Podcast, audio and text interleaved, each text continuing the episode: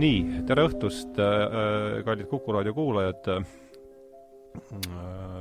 raadiote, kes te olete raadiote ees, on taas siis pühapäeva õhtu kell viis, meil on see teine kellaaeg.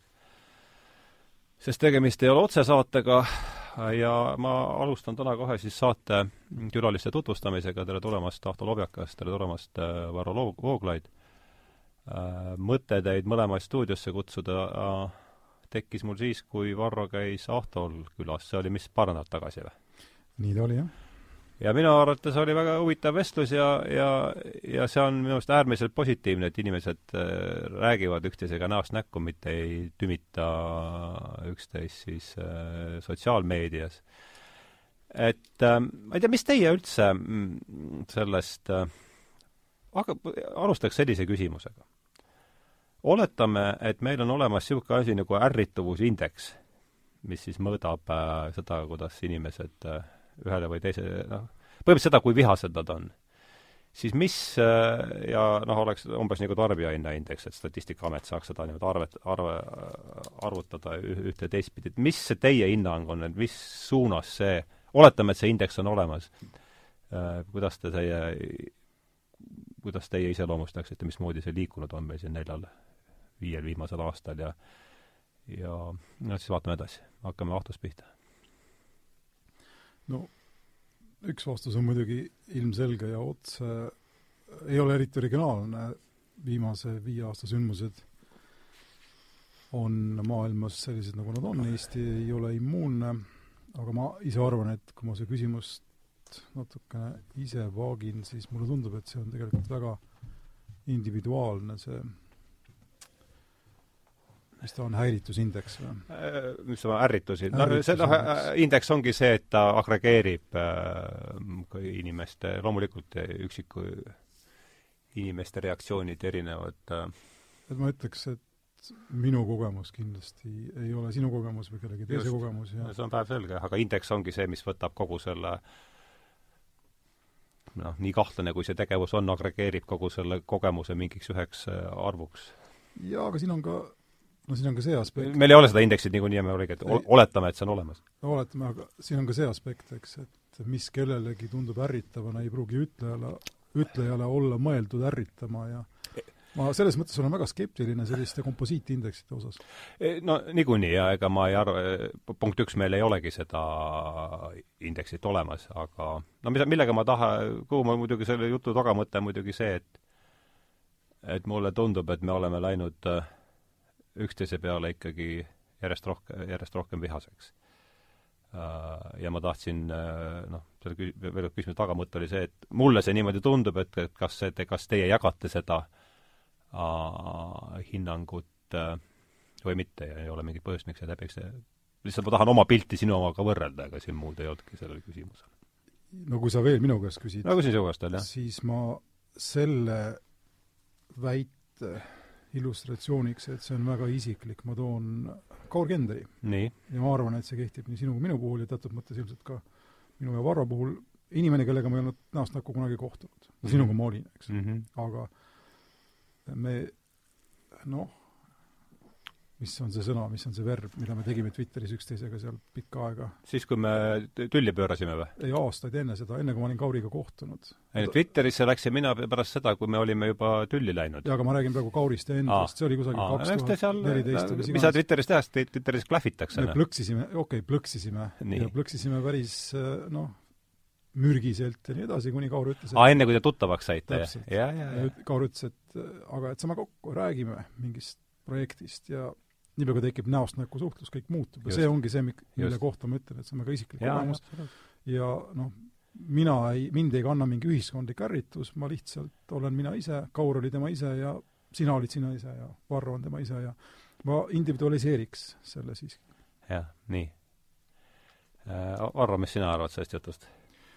no algatuseks ma arvan, et see, mis Ahto ütles, selles on palju tõtt, loomulikult see äh, teatav ärritav, ärrituvuse taseme tõus on kindlasti seotud sellega, et kommunikatsioon on muutunud niivõrd palju mm. impersonaalsemaks, eks hästi lihtne on kellelegi halvasti öelda, kui sa ei pea talle silma vaatama samal ajal, eks. on nagu troon, nagu troonisõda natukene. ja, ja, ja kui sul ei ole ka arvestatavat tõenäosust, et sa tulevikus peaksid talle silma vaatama mm. -hmm. jah, troonisõda on hea näide, et kui ütleme, mitte kuigi ammu oli sõjapidamine ikkagi selline näost näkku tegevus, eks, mees mehe vastu ja noh, ütleme, kui juba ja, ja naine, ja naise, ja naine naise vastu no seda vähem ilmselt. ärme seda unusta, oleme ikkagi nagu aga no näiteks juba see, eks, kui paavst kunagi ammu mõistis hukka ammu kasutusele võtmise just nimelt sellepärast, et, et see on relv, mis võimaldab, eks ole, tappa vaenlast ilma, et sa peaksid noh, näost näkku seisma, et see personaalsuse moment kaob sõjapidamisest ära, et see on tegelikult nagu noh, ebamoraalne, eks ole, niimoodi ei tohi teist inimest rünnata, kui sa ei ole valmis talle isegi nagu silmast silma vaatama ja ligi astuma, eks et teatud mõttes me võiksime võtta siin sotsiaalmeedias sama, sama paralleeli, eks, et saage kokku, rääkige omavahel ja siis vaata, kui valmis sa oled inimesele ütlema seda, mida sa oleksid valmis tippima, eks mm., mõtlematult sisse kuskile Facebooki postitusse või Twitterisse kuidas te, mis teile omavahel see Twitteri äh, ajalugu on, olete seal äh, klähvinud ka äh...? minuga on väga lihtne, sellepärast et ma ei kasuta Twitterit eriti. minu arvates me ei ole kunagi olnud sellises sotsiaalmeedia suhtluses ma, ma ei mäleta küll. aa, esimest korda saitegi sisuliselt äh, kokku saates või? ei, mitte päris, Saaremaal. jah, jah, me olime ühel konverentsil seal Saaremaal, mis puudutas otsedemokraatia võimalusi kohalikul tasandil mm. -hmm aga ei, me ei ole üldse omavahel mingisugusel aktiivsel vaenujalal olnud. see on jah vigane eeldus, et, et ma nüüd... ja ei, ma lihtsalt, eh, mul ei olnudki mingit eeldust, ma küsisin lihtsalt. ega ühesõnaga, kõik inimesed, kes on vastakatel arv-, arvamustel, ei pruugi olla üksteisega tülis no,. Nagu... see on, nojah, see on, siin sa ei pea mind veenma eriti. aga mis puutub sellesse ärritavuse indeksisse, siis ma hakkasin mõtlema, et tegelikult on väga huvitav jälgida kahte paralleelset protsessi, et ühelt poolt on ta on mingisugune selline ideoloogiline teravik, mis läheb omavahel järjest rohkem raksu mm -hmm. ja mis ärritub üha kergevamalt eh, igasuguste mm, selliste, kuidas öelda, stimulaatorite peale. aga teiselt poolt mulle tundub, et paralleelne protsess on see, et võtab üha rohkem maad ka selline ükskõiksus väga suures osas ühiskonnas, selles mõttes, et mm -hmm. et paralleelselt jah, et, et tegelikult ei olegi enam eriti vahet, mida keegi ütleb, mis on teatud mõttes ka ootuspärane, eks, et kui läheb kuskil ruumis või seltskonnas ka suuremaks karjumiseks mingisuguste äh, omavaheliste antagonistide vahel, siis ülejäänud seltskond pigem noh, läheks parema meelega kuskile teise ruumi, eks ole, ära, et noh, et las nad siis karjuvad omavahel või minge õue ja karjuge seal, eks ole, et et need on ka omavahel minu meelest päris huvitaval moel seotud protsessid, sest selline ühelt poolt teravnemine kutsub esile ka sellist äh, laiemalt levinud passiivsust mm. -hmm jah, no ta oli seal troonisõja lihtsalt vahemärkusena, et äh, Spectatoris on, ma lugesin teda päris äh, omal ajal päris äh, hoolega ja äh, ja, ja neil oli, siiamaani on väga hea, ma ei tea, kas enam on, aga, aga ikka väga teravmeelne karikatuurijoonistaja just see troonisõjaga seoses. ja parajasti käis siis see Jugoslaavia pommitamine, aktsioon. ja see oli karikatuur, kuidas kaks nat-, kaks NATO lennukit lendavad tagasi niimoodi või noh, tagasi ikka tagasi jah, missioonilt ja üks piloot ütleb teisele, et looks like we bombed again. et see võtab noh, midagi natukene kokku sellest sotsiaal, sotsiaalmeediast. miskipärast on see, see jäänud meelde mulle, see, see, see pilt siiamaani. aga no mis on sotsiaalmeedia roll selles, selles mis, mis, mis sinu suhe aasta praegu Twitteriga on, oled sa seal äh, aktiivselt äh, rapsid edasi või oled, tõmbad juhtme välja või mis, mis, mis, sina ja Twitter, räägi palun, praegu? see suhe on kuhtuv, kasutada kuhtuv, on jah? ilusat eestikeelset sõna. omal ajal sa rapsisid seal ikka, siis ikka mina, siis käis ikka kõva klähvimine seal. jah, aga ei ole enam see oli natuke naljakas isegi aeg-ajalt, tõmbas hadreka üles ja aga, aga, aga sorry, ma segasin, segasin sulle vahele, räägi, räägi. ei ole midagi, ma, aga ei ole väärikaid vastaseid, panused tunduvad nüüd üha naeruväärsematena. aeg-ajalt ikka midagi kirjutada, aga noh, või tweetida, aga mitte selle mõttega, et, et, et, et kedagi nüüd üles ärritada, või see on rohkem nagu selline passiivse eneseväljenduse vahend juba. ei midagi enamat. et oli kaks korda rohkem tähemärke ka juurde? see võib-olla rikkuski asja ära. arvad nii või? osaliselt küll, jah. sunnib vähem mõtlema mm.. selgemad, pikemad, pikem ei ole alati parem minu arvates. no jah, kuidas see on, lühidas on ju vaimukuse hing, hing, vaimukuse hing. kusjuures lühemad lühem tähemärkide arv sunnib eelistama inglise keelt, mis mulle sobib mm.. näiteks. pikemaga sa võid juba kirjutada eesti keele kõik, kõikide käändelõppude muu sarnasega ja see nagu tasandab seda võitlusvälja. no üks võimalus on ka, et käändelõpud kaovad ka koos komade, punktide, suurtähtede ja kõigega ära ja, ja sõnavahet seade annab jällegi nagu ruumi juurde natukene. no läheb aega. no ma usun, see juhtub juhtub kiiremini, kui me oskame arvata. Varro, mis, sina ei ole Twitteris? Ei, ma ei ole Twitterit. Pole olnud, pole olnud kunagi no, või? nominaalselt on vist seal olemas see konto, aga ma ei kasuta seda. Pole kunagi hakanud kasutama. aga, aga Facebooki olen küll kasutanud juba pikemat aega ja noh, olgem ausad, tegelikult äh, tundub praeguseks juba üsna universaalne kogemus vist inimestel olema see, et, olevat see, et äh, ega see kellegi psüühilisele tervisele eriti kasuks ei tule, kui sa seda sotsiaalmeediat kasutad. et päris palju inimesi on hakanud loobuma sellest, ma olen pannud tähele mm,, paljud on juba loobunud ja väga paljud mõlgutavad seda mõtet, et kas loobuda sellepärast, et pikemaajaline kasutamine eriti annab juba tunda tõsistes muutustes sinu enda psüühilises konstitutsioonis et.... aga mida sa nüüd selle kasutamise all silma, seda kasutada saab mitmel moel, et kas sa pigem räägid siin sellest, et noh, peame nüüd dispuuti seal äh, mingite poolemeelsetega? no ma tegelikult pidasin silmas veel kaugemat tasandit või laiemat tasandit, seda, et kuidas üleüldse informatsiooni tarbid ja kuidas sa suhestud mm. informatsiooniühikutega, et ütleme, kui üks äärmus oleks see, et sa võtad kätte Anna Karenina ja loed rahulikult, eks viissada, kuussada, ma ei mäleta, mitu lehekülge see kaks köidet kokku oli no., või Sõda ja rahu oma, ma ei tea, mitmes köites, neljas vist. Ja sa jälgid mingisugust suurt narratiivi, eks sul on tohutu suur informatsiooniühik, mida sa töötad vaikselt läbi niimoodi, jupiti. Aga see ühik kui tervik on tegelikult hästi suur ja selline rahulik, monoliitne ja immobiilne, võiks öelda. aga teine äärmus ongi siis selline Facebooki ja Twitteri kultuur, eks, kus sa tegelikult harjud tarbima informatsiooni tohutult väikestes ühikutes, aga selle tõttu ja kohe reageerima. ja tohututes kogustes ja kohe reageerima, jah, et seal seda refleksioonitasandit jääb järjest vähemaks ja niisugust reaktsioonitasandit tuleb järjest juurde. Ja, ja tulemuseks tegelikult on see, ja see on tegelikult ka ju aju, ajuteadlaste poolt juba täiesti noh, kinnitust äh, leidnud äh, fakt, et äh, mis tekib, on see, et äh, see põhjustab lõppastmes kõigasuguseid ärevushäireid ja stressi ja kõike muud sellist, sellepärast et tähelepanu on pidevalt fragmenteeritud sa minetad äh, suutlikkuse millelegi äh, püsivamalt ja pikemaajaliselt keskenduda ja eriti laste puhul see annab eriti tõsiselt tunda, koolis õpetajad võivad sellest universaalset kinnitust anda, et lihtsalt ei, et võime keskenduda äh, on drastilises languses. Et see on selline lai-, laiem probleem minu arvates, mitte lihtsalt see probleem, et me omavahel nagu tülli kipume minema sellist mm. impersonaalset kommunikatsioonivahendit kasutades. aga no muidugi see on, see on te, teine kitsam tasand ja mitte vähem problemaatiline ilmselt, et et esiteks elatakse nendes omaenda väikestes kõlakambrites paljuski, pilt mingis mõttes muutub järjest ahtamaks, sellepärast et sa näed ennekõike informatsiooniühikuid tarbides seda, mida sinu mõttekaaslased sulle ette annavad ja mida ka Facebook oma algoritmide kaudu sulle ette annab. Ja teiselt poolt, äh, teiselt poolt see jah, just nimelt see reaktsiooni kiirus tekitab sellise olukorra, tingib sellise tendentsi, kus siis äh, need reaktsioonid ei ole ju tegelikult sündinud eriti sügava reflektsiooni pinnalt. nii et mm., et terve rida, ma arvan, negatiivset tendentsi, mis sellega kaasneb, ei saa eitada.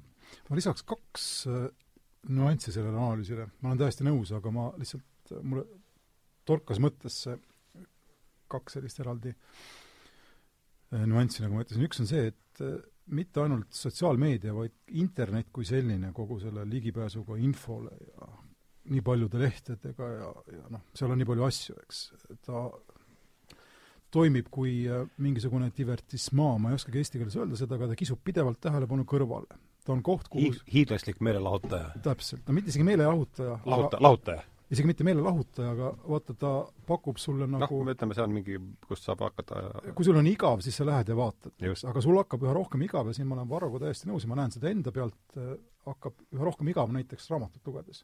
Loen kaks lehekülge, siis mõtlen, aga vaataks, mis on ja see on tegelikult patoloogia, see on selge, aga see ei puuduta ainult sotsiaalmeediat, vaid lihtsalt seda fakti, et mul on no selles tabletis olemas terve maailm, eks, mingil moel. See on üks. ja teine, sa rääkisid siin, visualiseerisid siin selle ka-, selle, mis ta on, karikatuuri meile, mul on ka sulle üks selline Simsonitest pärit Simson mulle ka meeldivad. sketš, mis mulle tundub, et kirjeldab ka seda sotsiaalmeedia aspekti ja seda ka, miks näiteks mind ta üha rohkem vähem hu-, üha, üha vähem huvitab. Sotsiaal, sotsiaal, sotsiaalmeedia või Simsonid? miks mu huvi kuhtub, ei Simsonid, no Simsonitel on ka omad probleemid, eks, aga see on erinevalt meist, meist kõigist see on nüüd teine, teine lugu jah, aga miks minu sotsiaalmeedia huvi kuhtub, on võib-olla on ära seletatud ühe Simsonite sketšiga. nii, see on huvitav, mul on üks ainus suur kõrv. see on varane, üks varasemaid, seal on, mul ei tule meelde selle mehe nimi, kes on mingi psühhoterapeut, tal on sellised, ta on niisugune suur parukas, eks, ja ta räägib niisuguse kerge saksa aktsendiga, ja noh, Simsonil on düsfunktsionaalne perekond, ta viib nad kusagile laborisse, ühendab nad kõik elektroodidega ära, ütleb, et kui sa siia nuppu vajutad, siis inimene, noh, sa, sul on ühesõnaga arv nuppe siin ja see nupp on, ütleme, Liisa, see on Paat ja see on keegi teine, või neile anda elektrilöögi, eks, kui, kui nad sulle ei meeldi mm. -hmm. ja idee muidugi on, et see on distsiplineeriv, eks, et noh, et Paat ütleb midagi halvasti, Liisa vajutab nuppu, Paat saab löögi ja siis on vait natukene aega. mis juhtub, on see, et paari sekundiga kõik on kõikide nuppude peal pidevalt. Kõik säri, särisevad nagu kalad ahjus ja, ja kogu selle Springfieldi linna äh, see elektrivõrgustik lülitatakse välja põhimõtteliselt.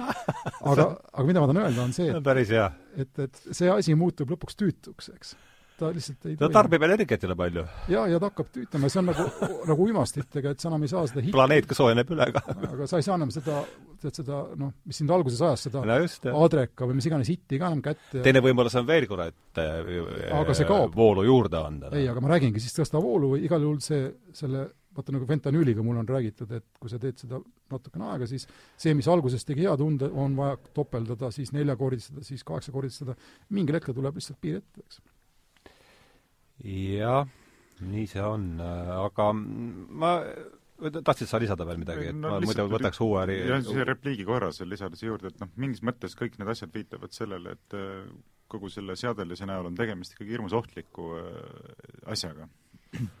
et mingis mõttes on ta nagu relv või, või noh, ütleme nagu alkohol, eks, mida järjest rohkem hakkab äh, ilmnema, et tuleb õppida kasutama korralikult, nagu teatav selline digi- või IT-hügieen. On midagi sellist, mis ilmselt peab hakkama saama iga, iga lapse ja iga, iga ka täiskasvanu sellise hariduse elementaarseks osaks, et, et ütleme, noh, igaühel on ilmselt erinev see suhe näiteks alkoholiga, aga noh, põhimõtteliselt kultuurselt alkoholi tarvitades võib see olla väga, väga oluline osa kultuurist ja hea asi, eks ole, aga teiselt poolt väga kerge on muutuda ka, sattuda ka sellesse olukorda, kus sa enam tegelikult ei kontrolli seda asja, eks. Ja kui asi läheb nagu üle piiri, võtab võimust, siis, siis hakkab sinu noh, hävitamise tegurina toimima ja, ja mulle tundub, et sellega on paljuski samamoodi, et et eks see asi on ju tegelikult töötatud välja sihilikult niimoodi, see ei ole ka mingisugune saladus, sellest on rääkinud ka Facebooki loojad näiteks, kes olid alguse aegadel kaasas nendes asjades, kes on hakanud, noh, kelle teed on läinud lahki, lahku Facebookiga ja kes on sellest rääkinud, me oleme Objektiivis ka mingil määral neid asju valgustanud seal, et et see on nüüd teadlikult ja sihilikult sellisel viisil tehtud, et kogu see süsteem püüaks maksimaalselt inimeste tähelepanu pidevalt ja kogu aeg, eks, kõik need teavitused Re reklaamiraha tekitamine. absoluutselt, mis on ootuspärane, eks, et ega kõik ajalehe, meedia, kommertsväljaanded ju püüavad sedasama, aga, aga lihtsalt nemad on väga nutikalt seda teinud, see, see on neil palju paremini õnnestunud kui meediaväljaannetel, eks, et sulle pidevalt tuleb piiks-piiks, eks ole, nii kui keegi midagi kirjutab või midagi like ib sinu asjadest, eks tuleb punane silt jälle ette ja viskab midagi ekraanile ja et need on asjad, mida tuleb õppida haldama kuidagi. ma lihtsalt jällegi repliik repliigile siin äh, olen täitsa nõus, ma ise olen vaadanud, see juhtus Facebookis varem ja paari päeva eest juhtus Twitteris ka ja mind kohutavalt häirib, kui sa suhtud sellesse uudisvoogu kui äh, noh, ajas postitustesse, eks, ja noh, vaatad, et mis on jälle postitatud, kärid tagasi, mul ei ole väga palju inimesi, keda ma jälgin nagunii, siis, äh, siis tal on teatav loogika minu jaoks, aga Facebook ja nüüd Twitter sunnivad sind vaatama top mingisugust postitust, valivad ise välja, mis on nagu saanud rohkem mingisugust, ma ei tea, vastukaja või mis iganes, ja see ajatelg lõhutakse ära. üha rohkem sulle pakutakse seda uimastit, eks, mis on kuidagi populaarsem, vasta-, vastuolulisem, mis iganes, ja see rahu võetakse sealt välja, eks kui sa aru saad, mis ma mõtlen. Äh, no kui seda rahu seal üldse oli, sest aga no kui sa saad äh, kerida tood nagu... selle Simsoni aspekti sinna, siis äh, ei, seda küll, aga vähemalt kui ma lähen lihtsalt passiivselt sinna vaatama mm, -hmm. mis mhm. toimub, siis no, varem oli see integreeritud ajavooluna okei okay,, okei okay., ma, minu, ma arvan, et ma saan ütleme, keskealisele ajule on nagu niisugune, ütleme, tavaline tegevus, ma lihtsalt kerin seda. aga kui mind sunnitakse vaatama mingisugust top-postitust, siis rikutakse ära see struktuur, millega ma suhtlen selle maailmaga, eks. aga see on mingi uus algoritm nüüd siis seal no Facebookis on vana, aga sa pead alati minema ja vaatama, mis on viimased uudised nii-öelda. huvitav, ma vist kasut-, jah, vot mulle selle minu kasutamisega see on nagu, ma vaatan seda oma aja seal on mine, mine vaata see, sul on eraldi võimalus panna recent news või mingi niisugune asi. okei okay,, seda ma varem Sorry, ma nüüd seletan see on nagu mis ta oli, see Saa-, Saamul internetis on minu, minu see kogemus selle, selle asjaga.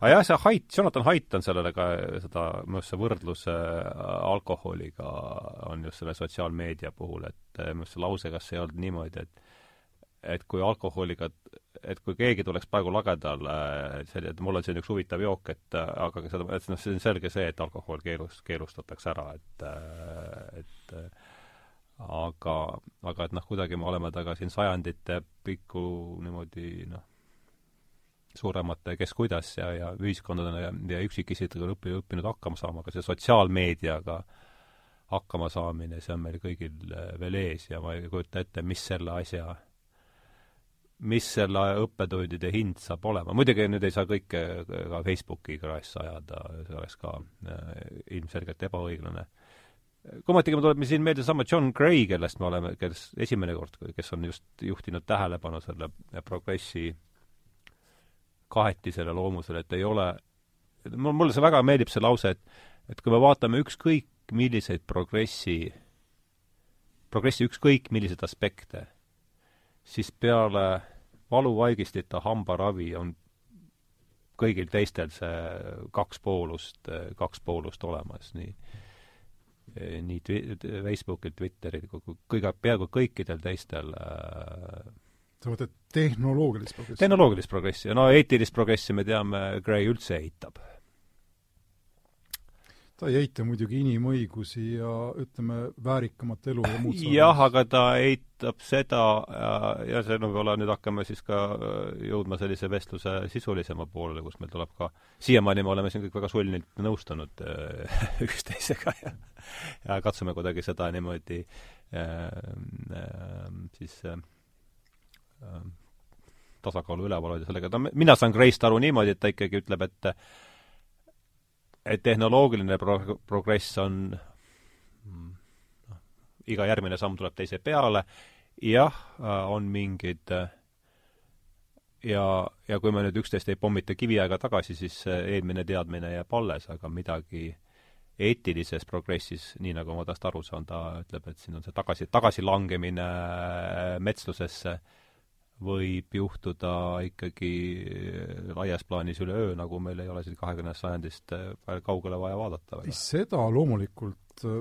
ta mõtleb selle all, kui mina temast õigesti aru saan, seda, et igasugusteks väärtusteks, püsivateks väärtusteks, nii edasi, sul on vaja institutsioone inimese omavahelise suhtluse struktureerijatena, kui need ära võtta, maha võtta, unustada, ära lõhkuda, panna inimesed loomatasandile, siis loomulikult kõik see, mida me nimetame eetikaks, kaob ja võib kaduda väga kiiresti, me nägime tegelikult, me, me seda siin me oleme vähemalt sinuga ühel nõul. ei, sellega ma üldse ei vaidle, aga, aga, aga see, et Gray ei hindaks ja sina ka, ma kujutan ette, eks?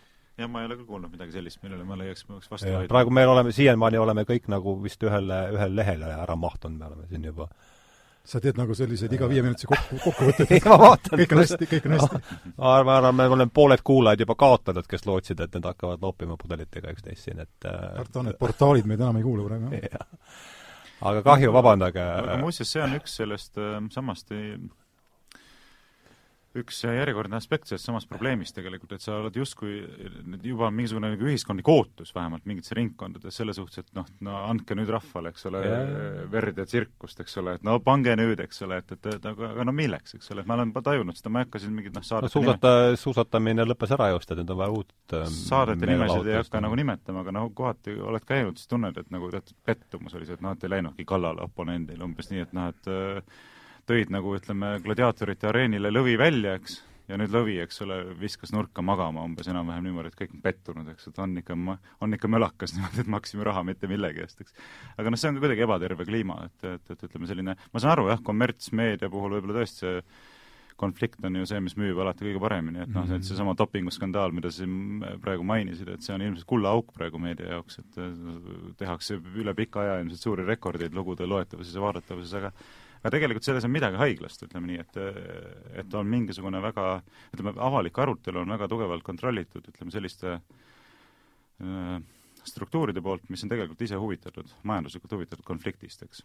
et ma ei ütle, et nad nüüd igal võimalusel tingimata konflikti üles kisuvad, aga kindlasti on see üks sellistest äh, äh karakteristikutest, mis mõjutab seda, kuidas see avalik alu, arutelu välja näeb siis lõppastmes mm, -hmm. nii et see on asi, mida ilmselt tasub ka nagu rohkem silmas pidada, kui, kui seda vast on tehtud siiani. No kena, me oleme pool tundi siin nüüd äh, lobisenud ja, ja, ja siiani tõesti me ei olegi millegi üle vist põhimõttelist sellist erinevust ei ole, et et nüüd, nüüd äh, kuulajatele ka midagi pakkuda, et siis hakkaks... üks, üks oli siiski, kas kasutada mis... kõrvaklappe või mitte jah aga Konf-, konformism võitis. konformism võitis, jah. aga no Ahtoga me oleme ju nüüd, see on sinuga meil neljas saade äh, olnud pärast seda, kui me uuesti siin suhtlema hakkasime, et ja, ja mul on alati olnud üks niisugune äh, ma julgen väita siiras püüdlus aru saada, kus lähevad meie arvamused lahku. ja mis oleks, ja nüüd me vestlesime seal teatris sinuga ka ligi kaks tundi ega ma suurt sotti ei saanud. noh, peale selle muidugi, et naisi, sinu arvates äh, naisi rõhutakse hirmsasti ja minu arvates äh, rõhuvad nad, punkt üks, ei ole neid nii kerge rõhuda sugugi, kes vähegi naisi tunneb äh,. mul on mõnedega pistmist olnud äh,, olen ma üritanud neid rõhuda kõvasti, aga, aga kokkuvõttes on need seisud pigem viiki jäänud nii et, et siin me selgelt eristume selle naiste rõhumise küsimus küsimuses. nüüd ma tahangi, mind huvitab see, et kas on veel midagi, milles me et ikkagi läheks, hakkaks jällegi seal pihta, lõpuks vaata see meie vestlus eh, ja pärast, kui me lahku läksime, siis oli ka juttu sellest, et et ja see, ja, ja siis katkes see vestlus ära, et võib-olla me täna jõuame sinna, et et ikkagi küsimus, et kus me üldse, kus me teame asju kus me üldse asju teame? Äh, kus me jah, et kus me üldse asju, epistemoloogiline küsimus, eks, et kus me teame seda, mida me teame ja mulle tundub, et võib-olla sealt, sealt hakkab see asi ehk hargnema, aga ma ei arva, et me peaksime sinna nüüd kohe hüppama, sest see, see oleks nagu liiga järsk, aga et ütle sina nüüd nii hästi ja selgelt, kui sa oskad. Mis sinu arvates on suurim probleem praegu, miks me üksteise, no sotsiaalmeedia ja kõik, et et noh, selge see, et on mingi selline ideoloogiline vastasseis, kus noh, ju me ikkagi vastasvõistkondades oleme ja mina noh, selgelt pigem siin selles Varro, pigem Varro pool, kuigi võib-olla mitte tingimata täitsa ühes võistkonnas. aga et kas, kas sa oskaksid äh, ma kuulaks äärmiselt tähelepanelikult, kui sa nüüd selgitaksid mulle, mis sinu, et need kahte, kahte leeri kuidagi niimoodi äh, iseloomustada, kelle vahel siis see ja, ja mille pinnal see vastasseis on? on ole, seda palju palutud? ei ole, kusjuures mulle meeldib see, et sa kuulaksid, kui ma oskaksin hästi selgelt öelda, eks mm.. no tee oma parim. täpselt. ega ma ei saa sult rohkem paluda kusjuures see teatrivestlus, millele sa viitad, see kestis meil kaks tundi ja jah, aga see, meil ei ole siin spordiuudiseid kuklas, et äh, me ei ole kuulda, et äh, oleks midagi see on selle, selle formaadi suur-suur eelis, et me saame rahulikult rääkida siin paar tundi. Aga sa ei oleks ilmselt jah, leidnud paremat aega, et seda küsimust esitada, sest ma täna hommikul lõpetasin ühe pikema asja Postimehele, mille tellimus oli kirjutada Eesti parempoolsusest mm. -hmm. ma kirjutasin Eesti konservatismist ja üritasin nende mõtteid nagu ritta saada, täpselt nii, nagu sa ilmselt soovidki, ja mis ma ikka muud tegin, kui lihtsalt kuidas öelda nüüd, kordasin enda jaoks selgemalt üle asju, mida ma olen varem öelnud ja varem ka teadnud, ja nad taanduvad üldiselt sellise, minu jaoks sellisele lihtsale tõdemusele, et Eesti parempoolsus, konservatiivid, inimesed nagu sina ise, ilmselt ka, ja ka Varro teatud mõttes jaotuvad minu jaoks kahte erinevasse kategooriasse inimesed, kellel on selle konservatismi taga religioosne veendumus, on konservatiivid noh, ütleme ainult sildi või nime mõttes. Nemad on, konservatiiv üritab aega pidurdada, aega alal hoida, midagi sarnast, aga nendel inimestel on igavik ja see, kus aeg ei tiksu, eks, olemas, niisugune koht olemas, mida mulle tundub, et näiteks no minul ei ole kindlasti, sinul ka ilmselt ei ole, aga inimesed, kellel on usk, nad asetuvad kusagile mujale, eks nad asetuvad ajast välja ja seetõttu ma nad ka konservatiivide hulgast, ütleme noh, selle nime kasutamise mõttes tänases poliitilises olukorras eemaldaksin mm. -hmm. Nendel on seesama jumalik või ütleme, mõistusega adumatu õigluse motiiv tuleb sisse, nagu mul tuli Varroga rääkides, mis ei ole noh, kuna ta ei ole tavamõistusele adutav, kui sul ei ole seda ilmutust, siis ütleme, kontaktpind on pehmelt öeldes küsitav, eks, et ma mõistaksin, mida inimene mõtleb, kel, kellel on usk. aga kui me räägime nüüd ülejäänud inimestest, kes me muretseme inimese pärast Jumala surmajärgses maailmas, mis ütleb ka seda, eks, et me ei loe ennast usklikeks, vähemalt mitte mingisuguses sügavas mõttes, siis need inimesed, kes ütlevad, et nad on konservatiivid, mina loeksin neid lihtsalt teelt eksinud liberaalideks. Ja ma olen ju kord ja kord ja jälle ja kord sulle püüdnud näidata, kuidas me tegelikult nõustume kõige olulisemates küsimustes ja sa ei ütle mulle näiteks, et orjapidamine oleks võinud lõppeda kakskümmend aastat hiljem, kui ta lõppes, puhtalt sellepärast, et me oleksime, et maailm oleks saanud mingi materiaal, mingit materiaalset kasu. sa saad aru sellest argumendist, mis ütleb, et teatud ebaõiglus on vale noh, meie aegade algusest peale ja ma ütleks, et see on liberaalne instinkt. meie aegad, kuidas no, uus, meie... uusaja või mis iganes, noh, et me oleme nagu põhimõtteliselt mitte siin talupojad ega ega ka mitte vanad roomlased, vaid noh, lääne tsivilisatsiooni produktid teatud mõttes, eks mm. -hmm. me saame aru nagu sellest, et, et, et naistel, no et meil ei või olla neli naist, eks, meil ei või olla naisi, keda me kohtleksime automaatselt kui endast äh, vähemaid inimesi ja nii edasi. me oleme kõige sellega nõus. ja kus me erineme, on lihtsalt see, et mina nii-öelda tõmban julgemaid järeldusi sellest liberaalsest väärtus traditsioonist, mis, nagu ma ka varem ütlesin, loomulikult sõltub institutsioonidest, ta on aastasadade pikkuse ajaloo tulemus, see ajalugu läheb tagasi peamiselt Inglismaale ja võib-olla natukene ka Prantsusmaale ja, ja natukene ka Põhjamaadesse, aga, aga ta, ta ei ole nagu suunatud asi, aga need väärtused, mida me täna peame tähtsateks, on selle arengu pärand, selle ajaloo pärand, eks. ja mina ütlen lihtsalt seda, et kui sa tõmbad nii-öelda selle vektori sellest üldisest arengust, nendest ideaalidest, mis on jäänud sõelale läbi aastasadade, alates inimese autonoomiast, võrdsusest seaduse ees ja nii edasi, siis sa saad tulemuseks näiteks selle, et samasooliste abielu, varem või hiljem, kui abielu institutsioon püsib meie ühiskonnas, mhm. on vältimatu. nagu oli naistele valimisõiguse andmine, nagu oli orjade mhm. vabastamine ja nii edasi. nii et, et põhimõtteliselt sinusugused inimesed mulle, ma vabandan, kui sa nüüd peaks sind solvama, äh, aga on teilt eks-... ma ei, muidugi lõpeta lause, siis ma ütlen, kas on teilt eksi-, teilt eksinud liberaalid. Varro kohta ma seda, okay. seda öelda ei julgeks mm. -hmm.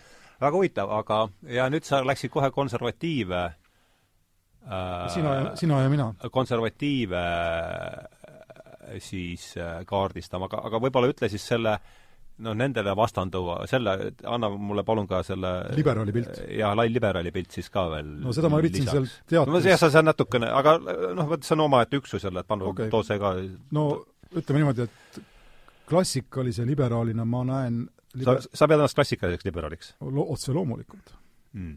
ma olen võib-olla kõige ma arvan, et ma olen üks stiilipuhtamaid klassikalisi liberaale selles keeleruumis. sa praegu, kui panid mind äh,, sa suudad mind ikka üllatada. sa, sa, sa arvasid, et ma olen marksist, eks äh,? kusjuures no, mul ei ole Marxiga mingisugust äh, pistmist, välja arvatud seda, et tema võõrandumis tõlgendus on minu arvates väga sügavuti minev ja iseenesest õige.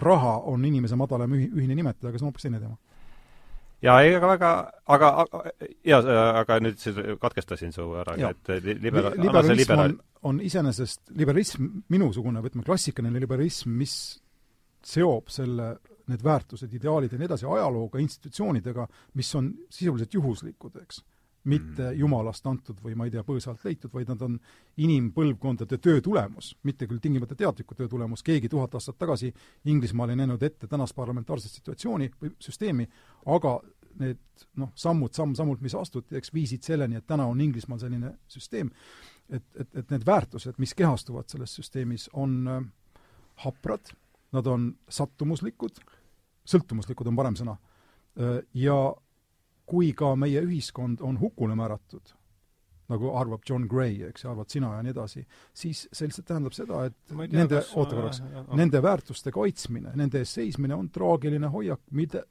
mille ma valin teadlikult.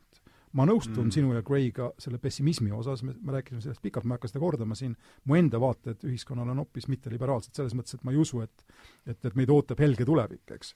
aga need väärtused on meie tsivilisatsiooni kõrghetk ja nende eest võitlemine on parim, mida ma teha saan ja olgugi see traagiline ja juba hiljaks jäänud või-, võitluseks, et, et koolis on tunnid juba lõppenud, kui me sinna jõudsime nii-öelda, ma ei näe sellele alternatiivi. sellega, ma usun, sa oled nõus? see kõlab, kõlab mulle, äh, kui ma nüüd ei ütleme nii, et kui ma nüüd ei teaks kõike seda, mis sa muud oled kirjutanud ja teaksin sinust ainult seda, mis sa praegu rääkisid, siis ma oleks ka siin nagu äh, sa kahtlustad kirj, mind kirj... ebas-, ebasiiruses? ei, ei, ei, ei üldse, ei, ei, ei kahtlusta, ei, ei kahtlusta, selles ma sind tõesti ei kahtlusta. aga aga, aga ma ei oska ka teisiti ütelda praegu. et äh, ebasiiruses ma sind ei kahtlusta. Varro ei, ma jäin enne mõtlema, et kahte ütles. aga võib-olla, aga teeks niimoodi, et, et sulle sama küsimus.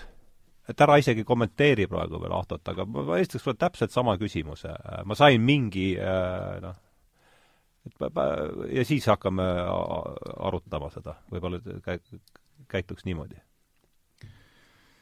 jah, noh alustades siis, et selle repliigiga, et Kahto ütles, et mind, mind ei saa pidada teelt eksinud liberaaliks, sellepärast et selleks, et saaks teelt eksida, pead kunagi teel olema mm. -hmm. kui ei ole teele jõudnud, siis ei saa ka eksida.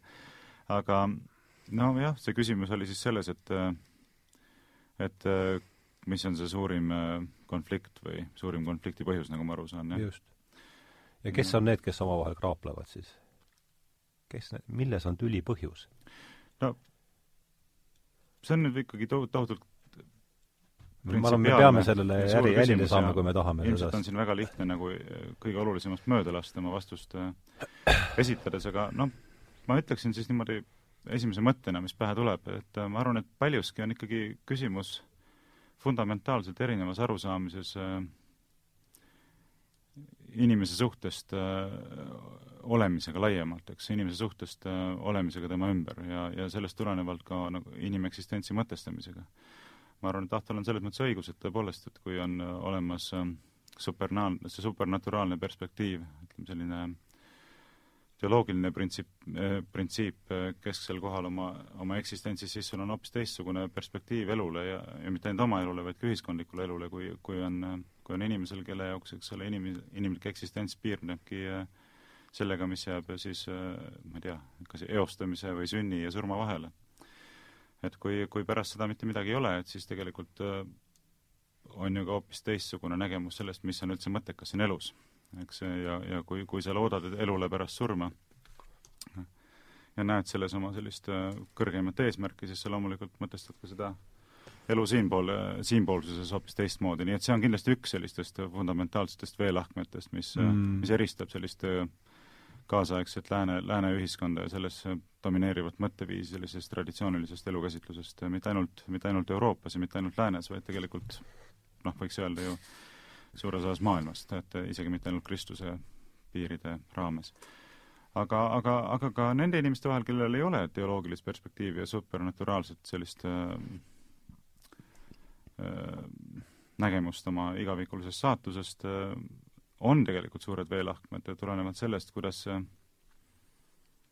kuidas suhestutakse reaalsusega ka mõistuslikul tasandil, ma leian, et ja ma olen pannud ise tähele, et kui ma peaksin inimesed kahte jaotama mm, just sellise fundamentaalse kriteeriumi alusel, siis siis selleks kriteeriumiks võiks olla just nimelt see, kas inimesed usuvad sellise objektiivse reaalsuse olemasolu sellisel viisil, et nad peavad püüdma seda mõista ja sellele alistuda mm, -hmm. elama kooskõlas selle objektiivse mm -hmm. reaalsusega kõigis selle ilmingutes ja vormides, noh, see on loomulikult eraldi küsimus, et millised need ilmingud ja vormid siis on, eks, ja kui kaugele me sellega läheme.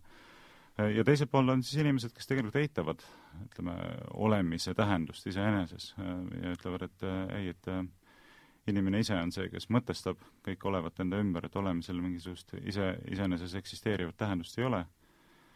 ja no siis, siis loomulikult äh, on väga raske ühisosa leida, sellepärast et, mhm. et siis hakkavad teed väga tõsiselt lahku minema ja, ja, ja tekib küsimus, et kus me leiame selle punkti, millele toetudes otsida ühisosa, eks, et kui, eri, ja, ja muuseas ka nende inimeste vahel, kes peavad iseennast kõige oleva tõlgendamiseks, eks, et kui sa ise oled nagu kõrgem autoriteet kõige oleva lahtimõtestamisel ja sellele mõtte andmisel, siis siis sa oled suures hädas, kui sa satud kokku teise samasugusega, eks, et väljaspool iseennast nagu sellist toetuspunkti ei ole ja, ja siis, siis tekivad suured konfliktid loomulikult. nüüd äh, nii et see mingis mõttes on küsimus fundamentaalselt äh, metafüüsiline, et milline on meie, meie arusaam äh, kõigest olevast ja enda suhtes selle olevaga.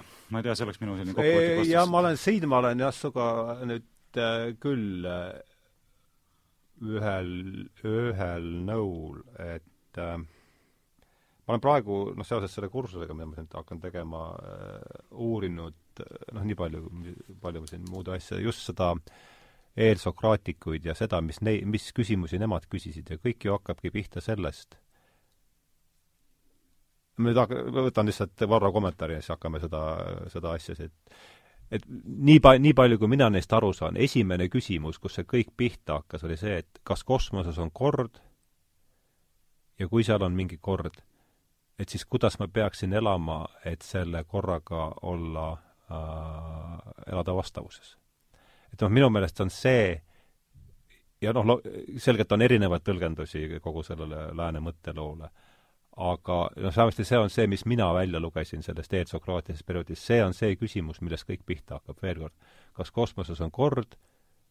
Ja kui sa, ja kui seal on see kord äh,, kuidas ma siis peaksin elama, et ma selle korraga kooskõlas oleks, ja kui seal mingit korda ei ole, et kõik on juhuslik äh, aatomisadu, et äh, mis siis, mis sellest järeldub minu siis sellele, kuidas ma käituma pean, ehk siis metafüüsika ja ja eetika seos, eks ole ja sinna vahele asut-, asetub siis seesama epistemoloogia, et, et, et kuidas ma siis tean seda, mis õues ikkagi on, millest õu koosneb.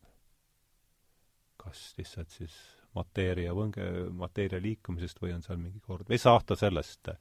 et, et, et mulle meel-, väga meeldis see, mis sa ütlesid, et kust me leiame selle punkti, millele hakata kokkulepet äh,, oli see kokkule-, jah, et et, et ma suunaksin, see oleks see küsimus mis ma, mille ma, Ahto, sulle esitaksin, kus me leiame sellele punkti, millel hakata kokkuleppeid üle, mille peale kokkulepped hakkavad ehitama ja see muu eelsokraatiline on nagu niisugune väike siis no ümbrik või kandik, mille peal ma sulle selle küsimuse esitan.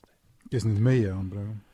no meie, kes me siin oleme, üritame niimoodi, no meie siis see sootsium, see, see vihane ah., järjest vihasemaks minev, minu arvates võib-olla ma, ma saan rääkida ainult seda, kuidas asjad mulle tunduvad aga siin sa asetad ennast sellise Jakobiini või ratsionaalse revolutsionääri positsiooni, kus nüüd, nüüd ma hakkan juba solvuma okei okay,, ütleme, et Rousseau'likku või mille, mingisse sarnasesse positsiooni, kui sa tahad ei, aga ma, solvumine ei ole mõte, ma tahaksin, ma küsin, miks sa nii, mille alusel sa niimoodi ütled? ma kohe oleks öelnud okay, sorry. kohe järgi. vabandust, ma olen kannatamatu, see on minu suurem miinus. ka mina olen selles, selles patus süüdi, aga aga kuna ma olen külaline, siis ma saan endale lubada teatavat niisugust detachment'i, eks.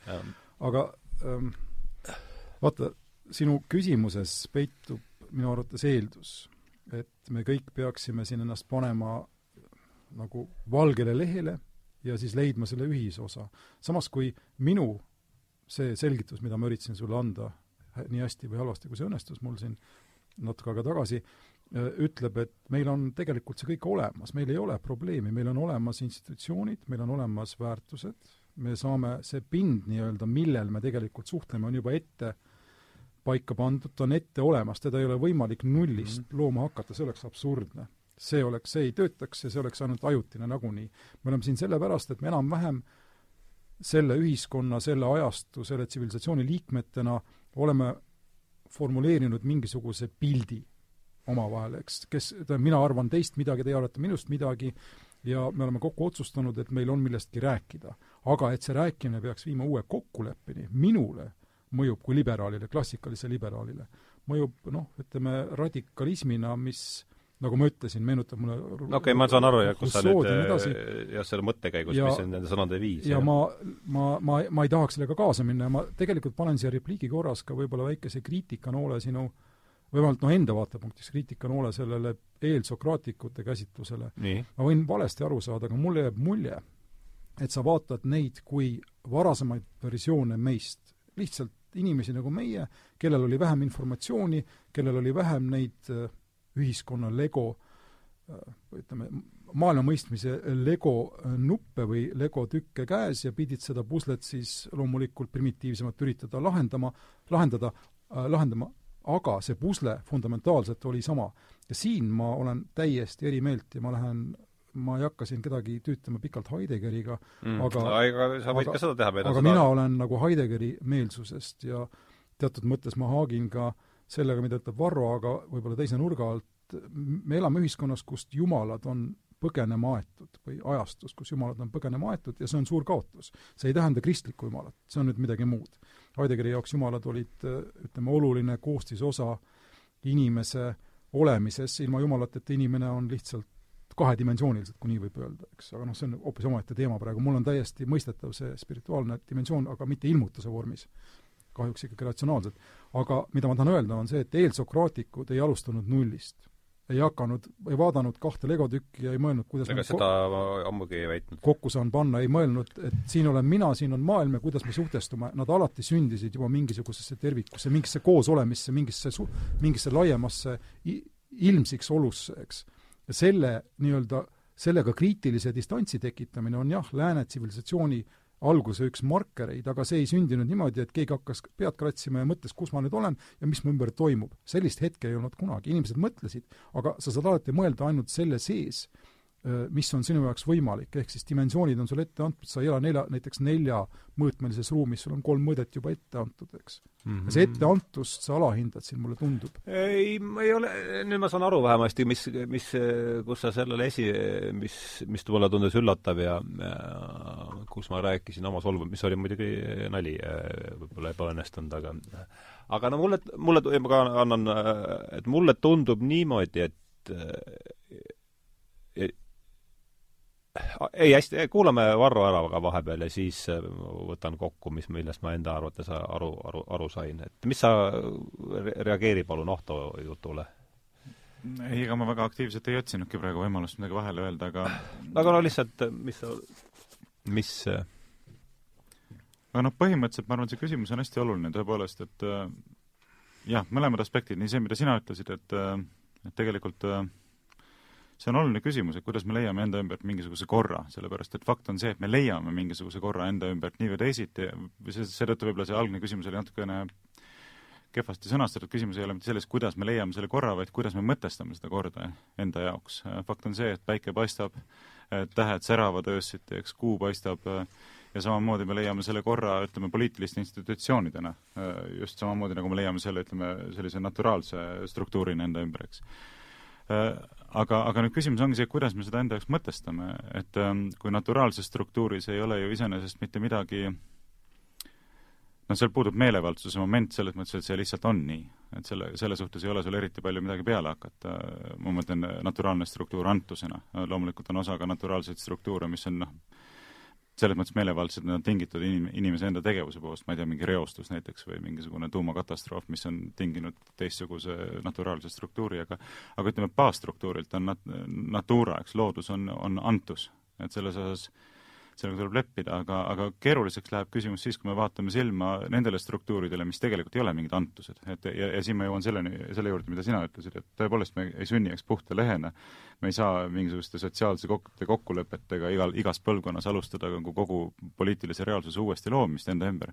ja, ja mina ammugi seda ei, ei tahtnud ja, ja ma ei, ma ei, ma ei usu, et seda väidavad loomulikult, sest see on puhtalt revolutsiooniline tees oleks. aga, aga aga seda enam on tegelikult oluline, et kuidas me seda olemasolevat poliitilist reaalsust enda ümber siis mõtestame ja seda ka enda jaoks äh, aktsepteeritavaks teeme. sest et äh, noh, kui me lähtume sellisest äh, fundamentaalsest inimliku vabaduse põhimõttest, siis tekib ju ilmselgelt küsimus, et miks ma peaksin üldse alistuma nendele poliitilistele struktuuridele, mis minu ümber eksisteerivad, kui mina ise olen see, kes peaks mõtestama enda ümber eksisteerivat reaalsust ja tegelikult ka alistuma üksnes nendele struktuuridele, mida ma pean siis põhjendatuks, eks et kui mulle see olemasolev poliitiline kord näiteks või majanduslik kord või sotsiaalne kord laiemalt, mille ma enda ümbert leian siia maailma sündides, ei sobi, mulle ei meeldi see, kui ma leian, et see on väär, noh siis tegelikult äh, kui minu jaoks ei suuda mitte keegi seda ära mõtestada, et miks ma peaksin sellele korrale alistuma, siis ma olengi tegelikult revolutsioonilises positsioonis, revolutsioonilises olukorras, et ma ei kavatse sellele alistuda, ma ei kavatse sellele leppida ja ma vastupidi, ka hakkan seda ümber tegema, eks, et ja siin me jõuame tagasi minu meelest selle küsimuse juurde, et, et meil on vaja tegelikult mingisugust filosoofilist visiooni või miks mitte ka teoloogilist visiooni äh, selle kohta, et äh, milline on reaalsus. ja mitte ainult milline on reaalsus, vaid miks see reaalsus peaks just selline olema, nagu ta mm. on ja miks mina peaksin inimesena siis aktsepteerima seda reaalsust sellisena, nagu ta on ja kui ma tohin nüüd siin jätkata, siis liberaali vaatepunktist see, see miks seostub sellesama kriitilise mõistuse, kriitilise distantsiga, mis meie ühiskonnas aastasadade vältel on tekkinud inimese ja korra vahele, et tal on üldse võimalus vaadata ennast eristada sellest korrast, panna ennast subjekti positsiooni, kus ta kõike muud saab hinnata. see on üks filosoofiline manööver, mis on toimunud siin alates Descartesist, eks, ja, ja, ja mis tegelikult on meis kõigis olemas vähem või rohkem, nii, niivõrd, kui me oleme kaasaegse ühiskonna liikmed, eks. absoluutselt, olen täitsa nõus. ja siin on selle kriitilise mõistusega noh, liberaal nüüd kindlasti erineb Varrost, eks, või minu tõlgendus sellest kõigest erineb sinu omast, selles mõttes, et kriitiline mõistus ütleb meile ka seda, et kui me hindame teatud, teatud väärtusi enda ühiskonnas, siis vaadates tagasi nende evolutsioonile, arenemisloole ja kui meil ei ole seda välist autoriteeti, ütleme Jumala näol, siis me võime enda ühiskonda paremaks teha.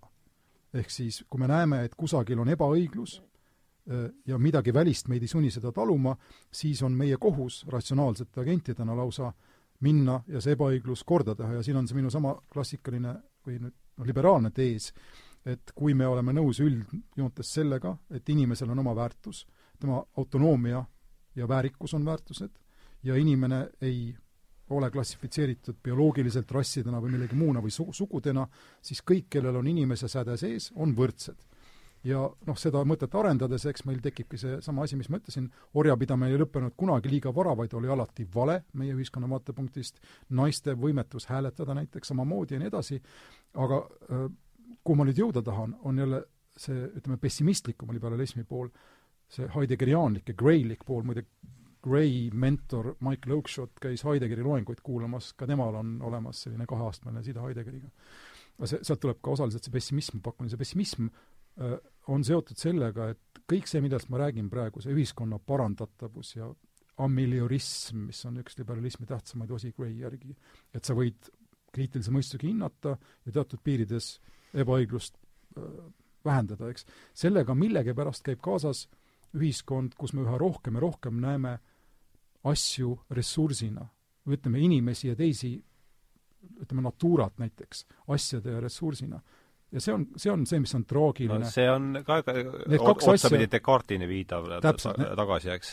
Need kaks asja on pärit sama, samast tüvest, tüvest ja sellest just. tüvest on pärit veel patoloogiaid. ja üks, nüüd see, et sealt on päris, pärit patoloogiaid, ei tähenda seda, et inimestevaheline võrdsus oleks kuidagi patoloogiline, aga traagiliselt need asjad on kokku seotud sellise noh, ütleme meie antusega, kus kõik üha rohkem devalveerub, kaasa arvatud inimene ise ja siin ma olen ka Varroga nõus, aga ma muidugi ei ole nõus sellega, et, et, et, et oleks mingi väline autoriteet, mis meid vähemalt meie enda väikese antuse raames piiraks selle või noh, ei lubaks meil elu parandada niivõrd, kui see on võimalik, teades ka, et meie tsivilisatsioon tõenäoliselt noh, lõputult ei kesta, midagi ei ole lõputu, eks mm. -hmm ma pigem ütleksin, et kui meil ei ole mingisugust välist autoriteeti või toetuspunkti, et siis miks me peaksime üldse pürgima selle poole, et mingisugust ebaõiglust kõrvaldada või seda parandada? no meie traditsioon ütleb meile, et viimased paarsada aastat tehtud töö, tal peab olema mingi väärtus. et tal on mingisugune progressioon sisse ehitatud, võrreldes tuhat aastat tagasi elanud inimestega, kui me oleksime seal, me ei oleks rahul. mis on muidugi meelevaldne võrdlus, eks need inimesed ei, on hoopis teised inimesed. aga sa saad aru, mis ma mõtlen nojah, ma saan aru, aga ma ei ole tingimata nõus, et ma sellega nõustuda, ma ei ole tingimata kindel, et ma sellega nõustun, selles mõttes millega sa praegu ei nõustu, ole hea praegu? ei no sellega, et ütleme, et ütleme, teatav eelnevate põlvkondade pingutus asju korraldada sellisel viisil, nagu nad on korraldatud, kohustab meid justkui jätkama seda korraldust ja seda ülal hoidma ja seda parendama, et äh, noh. aga paneme selle seaduse keelde. kui meil on stabiilne juriidiline keskkond, kohtusüsteem töötab, ütleme, sajandeid, siis koguneb ju teatud hea praktika, teat-, teatavad idea-, ütleme ideaalideks, ideaalideks on palju nimetada, aga teatavad asjad, mis noh, ehitavad üles selle, eh, kuidas kohtupidamine peaks käima ja ka mis printsiipidest tuleks lähtuda ja see ju on noh, nagu baaseeldus, ütleme, oota korraks, baaseeldus selles, et kui ütleme, Ameerika Ühendriigi tüüpi kohtusüsteemis tehakse mingi järeldus, siis on pretsedent, pretsedent jääb nii-öelda omalaadi seaduseks. ja see seaduste kogum on ju mingi väärtus, ei ole? No ta on kogum üksnes niivõrd, kui ta kannab edasi, ütleme, õigeid põhimõtteid või noh, neid põhimõtteid, millele tuginedes me oleme näinud, et ühiskonna elu läheb paremaks, eks. aga sa oled nõus sellega, et kohtutes näiteks USA-s võib arutada nende põhimõtete üle väga põhimõttelisel viisil, nagu tehakse USA-s? ütleme, seal on ülemkohus, kellel on, millel on sisuliselt seadusandlik roll aeg-ajalt.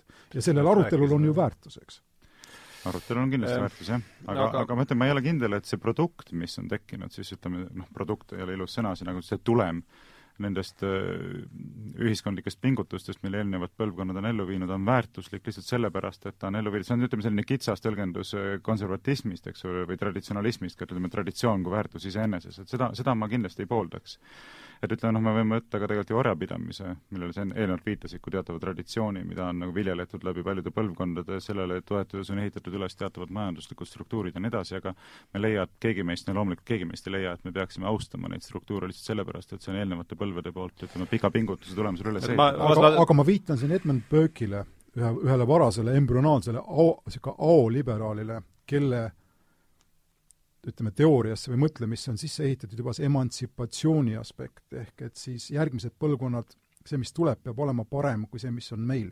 teatavad standardid on paigas, eks, millega mõõta seda, ja see loomulikult ei ole orjapidas, orjapidam-, orjapidan-, orjapidamine. vaid see on teine tüüp ühiskonda, kus see emantsipatsioon ja progress on omaette väärtused. kus see staatika ei ole sisse ehitatud, vastupidi, see teadmine, et kui me töötame hästi, mõtleme selgelt, paneme sinna oma töö ja vaeva ja meil on aega, siis elu peab paranema.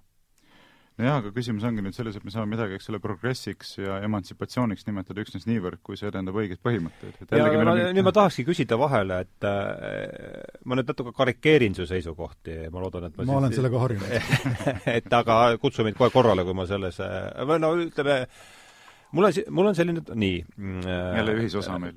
me hakkasime, me hakkasime pihta sellest, eks, et et mina noppisin äh, üles Varro repliigist selle, et kus me leiame selle punkti äh, siis, äh, kust hakata otsima üldse kokkulepet.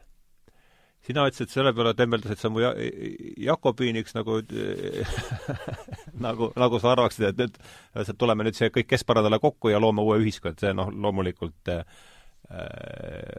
oli ka karikatuur, eks ole. nüüd ma tulen oma karikatuuriga sulle vastu ja vaata, mis sa sellest äh, pildist arvad. mul on nüüd selline tunne, et näe, vaadake nüüd, murjenid. mul on teile siin äh, olemas äh, rööpad, kus pidi te peate sõit-, kus te peate sõitma, sest ajaloo, mulle teadaolev ajaloonool ütleb, et need rööpad lähevad selles suunas ja teie pidage mokk maas ja sõitke sellest, sõitke sellel rongil kaasas, kuigi me noh, selles me oleme ka nõus, et ühel hetkel me oleme ühes nõul selles, et maa on lapik ja, ja ühel hetkel sõidab see rong sealt lapikust maast alla. sellest tundub, see pessimismi me ka jagame, eks. kas ma võin, kas, oota, ma, kas ma, ma võin selle sulgudesse panna nii. lihtsalt ühe sellise im-, image'i? me oleme selles ühel meelel, et need rööpad, mille peal meie rong jookseb, võetakse maast, mis lõpuks saab otsa ja neid rööpaid ei ole no selles mõttes ma kasutan seda lapikumaa kujundit siin, et noh, kukub lihtsalt alla. Aga me sööme, kasut... me sööme seda maad, mille peal me rööpad ehitame kui ju-, juhus, kui nüüd keegi mõni saatekuulaja erutus, et siis see oli mudel praegu, ma kasutasin seda lapikumaa mudelit äh,.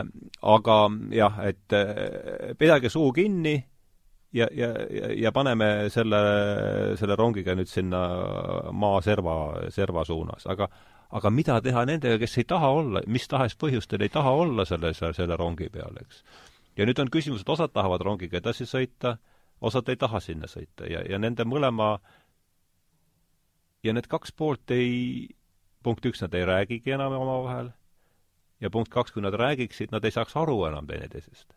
sest nad elavad täiesti erinevates maailmades, neil on erinevad tõed ja neil ei ole seda punkti mille põhjal üldse vestlust alustades, nende, nad era-, eri-, nad elavadki erinevates fenomenoloogilistes reaalsustes. Nad näevadki maailma täiesti erinevalt. Kus me leiame selle punkti, et üldse omavahel vestlema hakata, see on palju parem, jah, ma möönan, et selles sõnastuses. ma ei ole päris kindel, mis sa mõtled, see meenutab mulle lugusid Ameerika koloniseerimisest algusaegadest, kus jesuiidid arutasid, arutlesid omavahel ütleme, katoliik, katoliku preestrid arutasid omavahel küsimust, kas pärismaalased on inimesed mm -hmm. ja samas indiaanlased teatud suguharudest Kariibi mere ümber püüdsid, püüdsid dokumenteeritult kinni konkistadore, uputasid neid, püüdes kontrollida, kas nemad on inimesed ja kui ta uppus, siis ta oli inimene, kui ta ei uppunud, siis ta oleks jumal olnud, eks mm. -hmm. kus sa leiad siit selle kokkupuutepunkti, ega no ainult elu saab kokku hõõrudes vere ja pisaratega selle lõpuks paika panna ja siin ma olen klassikaline liberaal, sul on vaja aega, harjumust, traditsiooni, institutsiooni. Neid ei ole võimalik nullist luua, nad kas on või neid ei ole või nad siis tekivad väga pika ajaga, kui neid praegu ei ole. Selles, selles osas ei saa ma sulle jälle ka kuidagi vastu vaielda, aga aga asi ei ole nii hull, kui sa arvad muidugi, me ju räägime siin omavahel, järelikult. Ja ei no meie konventsioonid töötavad. jaa, no meie puhul ma leian jah, see on äh, suur asi, et me saame siia Varra, räägi sa ka vahepeal midagi, ma mõtlen natuke, äh, niisuguse keskealine aju ei eks see tööta enam pole, nii. ilmselt mulle tundub, et paljud probleemid ka selles liberaalses traditsioonis ikkagi tekivad kokkupõrkes, mis sünnib äh, äh, olukorras, kus püütakse ühitada kahte tegelikult vastandlikku ideaali, eks, et selles mõttes ei ole ju midagi originaalset iseenesest, aga oleks huvitav kuulda, kuidas sa ka Ahto, Ahto seda kommenteerid, et et kui me vaatame liberaalismi selliseid baaspostulaate, siis seal on noh, kaks sellist peamist ideaali, eks, et üks on inimliku vabaduse ideaal ja teine on inimliku võrdsuse ideaal, eks, et, et et maksimaalne võrdne vabadus äh, maksimaalsel hulgal inimestele, eks võiks öelda, on selline juhtkiri. aga mulle tundub, et paljud probleemid ongi tekkinud ka liberalismi enda siseselt, sellepärast et äh, sõltuvalt sellest, kui palju rõhku sa paned äh, vabadusele või kui palju rõhku sa paned võrdsusele, saad sa totaalselt erineva käsitluse sellest, kuidas inimlik elu tuleks ühiskonnas korraldada et noh, me ju näeme tänasel päeval isegi siin väikeses Eestis, eks, et on olemas päris erinevaid, päris erinevaid lähenemisi, et ma ütleks, et ma ei teagi, keda ma siin tooksin teise poole esindajaks, aga ütleme, Ardo ilmselt oleks see, kes ütleb, et ma olen liberaal, aga minu jaoks ütleme, selline juhtiv väärtus on vabadus, äh, äh, mitte võrdsus. eks, et äh, ja teiselt poolt me võime kindlasti leida, ma ütleme, ei hakka nimesid nimetama, inimesi, kes ütlevad, et juhtivaks väärtuseks on võrdsus, mitte vabadus, no ütleme ilmselt kuskil seal sotsialistide leerist siis võiks selliseid inimesi pigem leida ja Ameerikas on ju liberaal ja sotsialist sisuliselt ju juba kattuvad mõisted, eks noh, seda, selle sa kirjutad alla, ei kirjuta? no see on hoopis omaette teema, nad kattuvad Ameerikas, mitte siin. ma räägin Ameerikas, noh, ma rääkisin ka Ameerika. Nad ei ütle meie debati kohta midagi, see, see, et nad kattuvad praegu. nojah, hästi. aga noh, et ütleme mõtte kokkuvõttes, et, et noh, et siin on ka jällegi küsimus selles, et kus me võtame selle välise toetuspunkti, eks, mille kohaselt me ütleme, et tegelikult õige tasakaal vabaduse ja võrdsuse vahel on selline, nagu, nagu mm, -hmm. nagu ta siis peaks olema, eks, ja sellepärast, et noh, no tõesti, see on ju ammu teada, ammu teada tõsiasi, et mida rohkem sa paned rõhku sellele, et saavutada ühiskonnas võrdsust, seda vähemaks jääb inimesel vabadust ja mida rohkem sa annad vabadust, seda suuremad ebavõrdsused tekivad, sellepärast et inimesed on paratamatult oma erinevates aspektides ebavõrdsed, eks, et kas need ebavõrdsused on äh, õiglased või õigustatud, see on juba eraldi küsimus, aga fakti ei saa eitada, eks, et äh, fakt on no, see, et fakti eitatakse ka suure üks meist tuleb siia, tea, suure kirega üks meist tuleb siia kahekümne aast-, kakskümmend aastat vana Fordiga, teine tuleb võib-olla eile ostetud Mercedesega, eks ole, et, et et see on fakt lihtsalt, et e-, ebavõrdsused on. Ja, ja kui sa püüad nüüd seda ebavõrdsust hakata kahandama, eks, siis seda ei saa teha mitte mingil muul moel kui vabaduse piiramise hinnaga, nii et et nüüd teatud mõttes äh, mulle tundub, et liberalism ise ei anna vastust sellele küsimusele, kuidas siis tuleks liberalismi kohaselt elu korraldada, vähemalt mitte enne, kui ta suudab pakkuda vastuse küsimusele, kuidas tuleks vabaduse ja võrdsuse ideaalide vahel leida see õiglane tasakaal. aga siin on, küsikski jah, Ahto käest, et kuidas sa selle ilma välise toetuspunktita, ilma välise nojah, et ikkagi ilma ilma välisinstrumentideta, kuidas sa leia-, sa ju möönad ometi, et see olemuslik pinge vabaduse ja võrdsuse vahel on olemas? loomulikult, aga aga kuidas sa seda äh,, kuidas äh,, kuidas seda leida, seda optimaalset? ja kas sa ei leia äh, ja noh, see on kõik väga kena, sa räägid siin, et ebaõiglust tuleb korda teha. aga jah, kes selle, kes selle vastu on? aga mis on ebaõiglus? mis on õiglus? Kus sa need vastused võtad? ebaõig-, ebaõiglus näiteks on, kui mustanahalisel inimesel tema rassi pärast ei oleks samu poliitilisi õigusi meil nagu valgenahalisel inimesel, see on nüüd üks äärmuslik näide. aga selle tasandi ebaõiglusest ma räägin, mitte sellest, et sul on viis eurot, mul on null eurot ja siis me peaksime leidma siin äh, kokkupuutepunkti kahe poole euro peale, eks mm. -hmm. see ei ole see, mida ma mõtlen, aga aga mina täpselt täpselt. see on nüüd väga näide, aga mida Varrot kuulates ma äh, mõtlesin, on see, et äh, siin on oluline eristada praktikat ja teooriat, üks on noh, meie maailm siin ja täna, mis on selgelt ebatäiuslik. see on ilmselge, me teeme, mida me oskame ja teeme seda ka mitmekesi, nagu kunagi Arno, Arnold Rüütel vist ütles, kiiresti ja hulgakesi, eks, ja seal sündivad, niimoodi sündivad lahendused on alati paremal juhul noh, kompromissid, eks. ja neid lahendusi loomulikult ei ole väga suurt mõtet äh, viia teoreetilise mõistuse kohtusse. Sellega ma üldse ei vaidle, see, sellega rikutakse ära ühiskonnad ja, ja see on selge, et niimoodi midagi ei ehita, see on seesama tühja lehe äh, küsimus, eks. ehitada saab ainult selle peale, mis sul on, harjumuste ma ei taha öelda kommet ja komme on minu jaoks vale sõna, nagu reliktne selline käitumismuster, aga põhimõtteliselt selle peale mis see, mis kommete häda on? no reli-, ta on reliktne käitumismuster, kui sa lähed kirikusse mitteusklikuna, lööd risti ette, siis see on, noh, see on relikt, eks see ei tähenda mitte midagi. kui sa usklik oled, see on teine asi. aga komme on selline asi, eks. no see selleks, ma tahan kusagile mujale jõuda praegu. see jutt siin sellest äh, inimese erinevatest äh, noh, võimetest, näiteks talentidest ja nii edasi, see on läbi vaieldud seitsmekümnendate aastate alguses või seitsmekümnendatel, kaheksakümnendatel aastatel. ja nüüd on tõde teada siis? Äh, ma saan aru su sarkasmist, aga ma tahtsin tegelikult olla natukene nüansseeritum hmm.. John Rawls, John, Rawls, eks, kirjutas aastal seitsekümmend üks raama-, avaldas raamatu nimega õigluse teooria, Theory of Justice.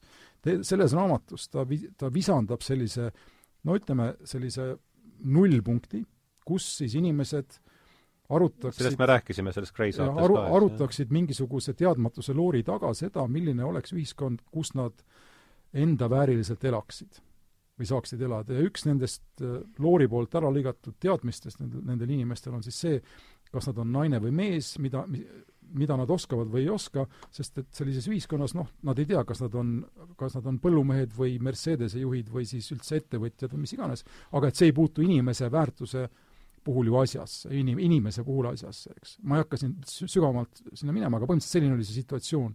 tuli Robert Nozick, kes oli libertaar, ka liberaalne filosoof, aga kirjutas, et äh, inimesele antud äh, noh, oskused, omadused, talendid, nii edasi, on tema oma ja kogu lugu ja see on inimese definitsioon. Neid, talt ei saa neid ära võtta ja see on nüüd vabadus, eks. ühesõnaga, see debatt on pikalt käinud, aga kus ma tahan nagu lühiühendada selle teooria ja praktika pointi, on viia tagasi see asi Kantini, me rääkisime korra siin, metafüüsika termin korra siin meil kostis, eks.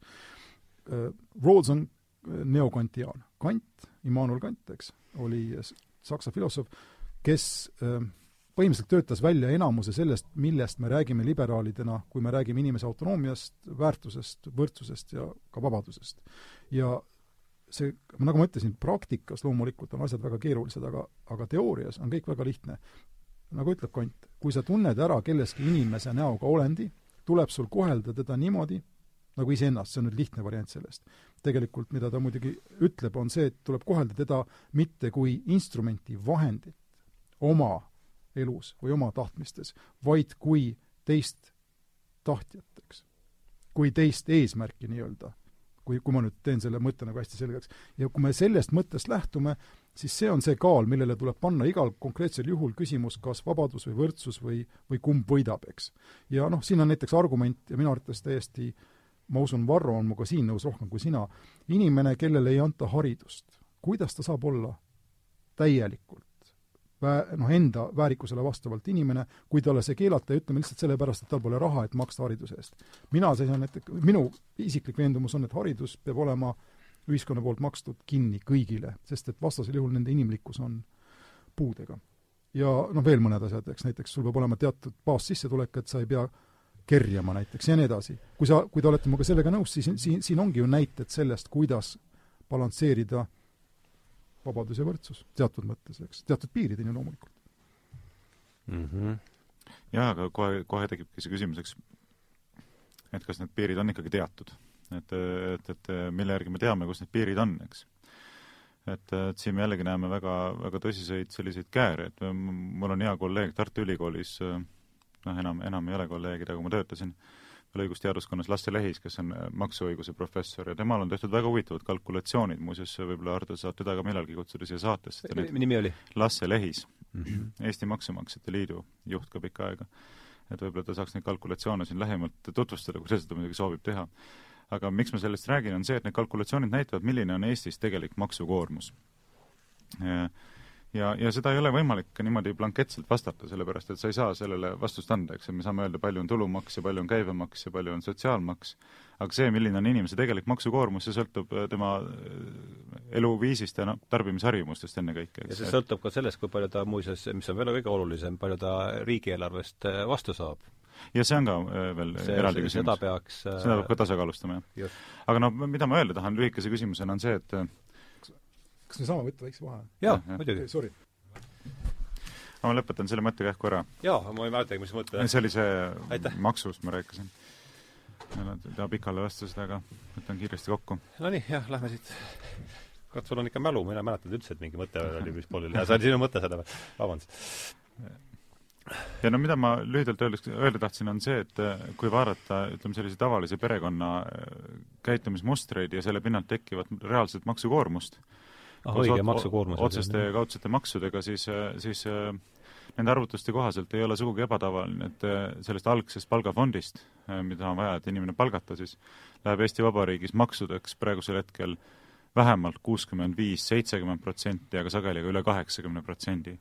ja no nüüd selle reaalsusega silmitsi seistes võiksime küsida, et kas see on see teatud punkt, milleni me oleme nõus nagu koormama ühiskonda selleks, et tagada siis nii-öelda võrdsust, eks ole, ühiskonnas äh, laiemalt kõigile selle liikmetele, et äh, noh, ma julgen väita, et ei ole, et see on kaugelt üle selle mõistliku teatud punkti, tähendab, kaugelt üle selle punkti, mida me võiksime nimetada teatult mõistlikuks siis, et äh, jällegi noh, mida ma, ma ei tea, mitmendat korda nüüd juba ütlen, on see, et me ikkagi lõppude lõpuks vajame mingisugust välistoetuspunkti mingi esimese printsiibi näol, millele toetus me ütleme, et see on õiglane või see on ebaõiglane, sellepärast et äh, ütleme, võrdsuse edendamine vabaduse arvelt võib väga selgelt muutuda ebaõiglaseks ühel hetkel, see, selles me keegi ei kahtle.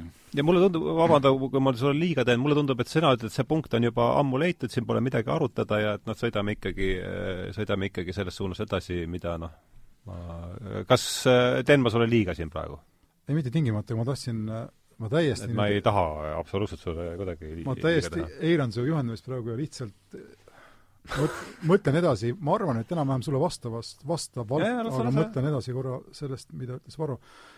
kui me räägime, ütleme, Eesti tänasest situatsioonist, riigist, millel on eelarve, maksud, kõik see süsteem on paigas, nagu ta täna tiksub, kui see maksukoormus on liiga kõrge, siis äh, mul tekib küsimus, kust tuleks ära võtta siis seda võrdsust, mis täna on kinni makstud selle seitsmekümne, kaheksakümne protsendise koormusega ja see oleks huvitav arutelu, sest et jällegi seesama näost näkku siis tuleks vaadata vähemalt no mitte kui inimestele, siis probleemidele, kellelt palju pensioni, palju ma ei tea, haridusele minevat raha, palju midagi muud. ja ma ütlen ausalt, mina valin alati sellise natuke kergema väljapääsu ja ma küsin aga kuluhüvitised. raha, mis raisatakse ära minu arvates ebaeetiliselt ja ma tean, et selle rahaga tegelikult midagi otseselt finantseerida palju ei saaks, aga mis mulle kui me nüüd räägime tänasest Eesti Vabariigist, tekitab eetilise probleemi, siis on see noh, kõike läbiv eeldus, et väike raha ei ole raha. et mingis ulatuses on see ju meelotš või mis iganes, eks, kui me räägime isegi siin tuhandest või miljonist või mis iganes, kas või autode valik näiteks. ja ma tean, et see ei ole, see kõlab peaaegu populistlikuna, see ei ole lahendus reaalsetele probleemidele, aga mina alustaksin siit. ja loodaksin siis, et noh, riigi muutunud suhtumine oma ressurssi aitab ka suuremate probleemide lahendamisele kaasa. Äh, luba, ma pistan ka vahele siitsamast edasi jätkates, et äh, ma olen sinuga nõus, loomulikult äh, algab, algab sellisest baassuhtumisest asjadesse, aga, aga sidudes seda minu poolt öeldud veidikene varem sinu poolt öeldud, öelduga ja sellega, millega, mille üle meil oli ka selline lühikene arutelu episood, siis siingi me võime näha praegust olukorda kui teatavat äh, tulemust, milleni me oleme jõudnud eelnevate põlvkondade sellise sihiteadliku suundumuse äh, noh, sellise saabumispunktina, ütleme siis nii. et, et kui me näeme, et tegelikult ka kultuuris on ju võetud juba pikemat aega laia äh,, laiemalt omaks selline hoiak, ka eeldusena omaks, et tegelikult inimesel ongi õigus äh, riigi abile oma majanduslikus heaolus. Eks mitte ainult hariduses, mitte ainult seda, et lapsed saavad alghariduse või minu poolest ka põhihariduse või keskhariduse või ka ülikoolihariduse, siingi võime küsida, kus see teatud punkt on, eks, kuhumaani peaks tegelikult äh, riik siis tagama äh, hariduslikud võimalused äh, inimestele, sest riigid on ikka väga erinevad, eks, et nii mõneski kohas ka lääne ühiskonnas ei ole ülikooliharidus mingisugune põhiõigus, et noh, ega ta Eestiski ei ole, eks, kõigil ei ole võrdset ligipääsu ülikooliharidusele.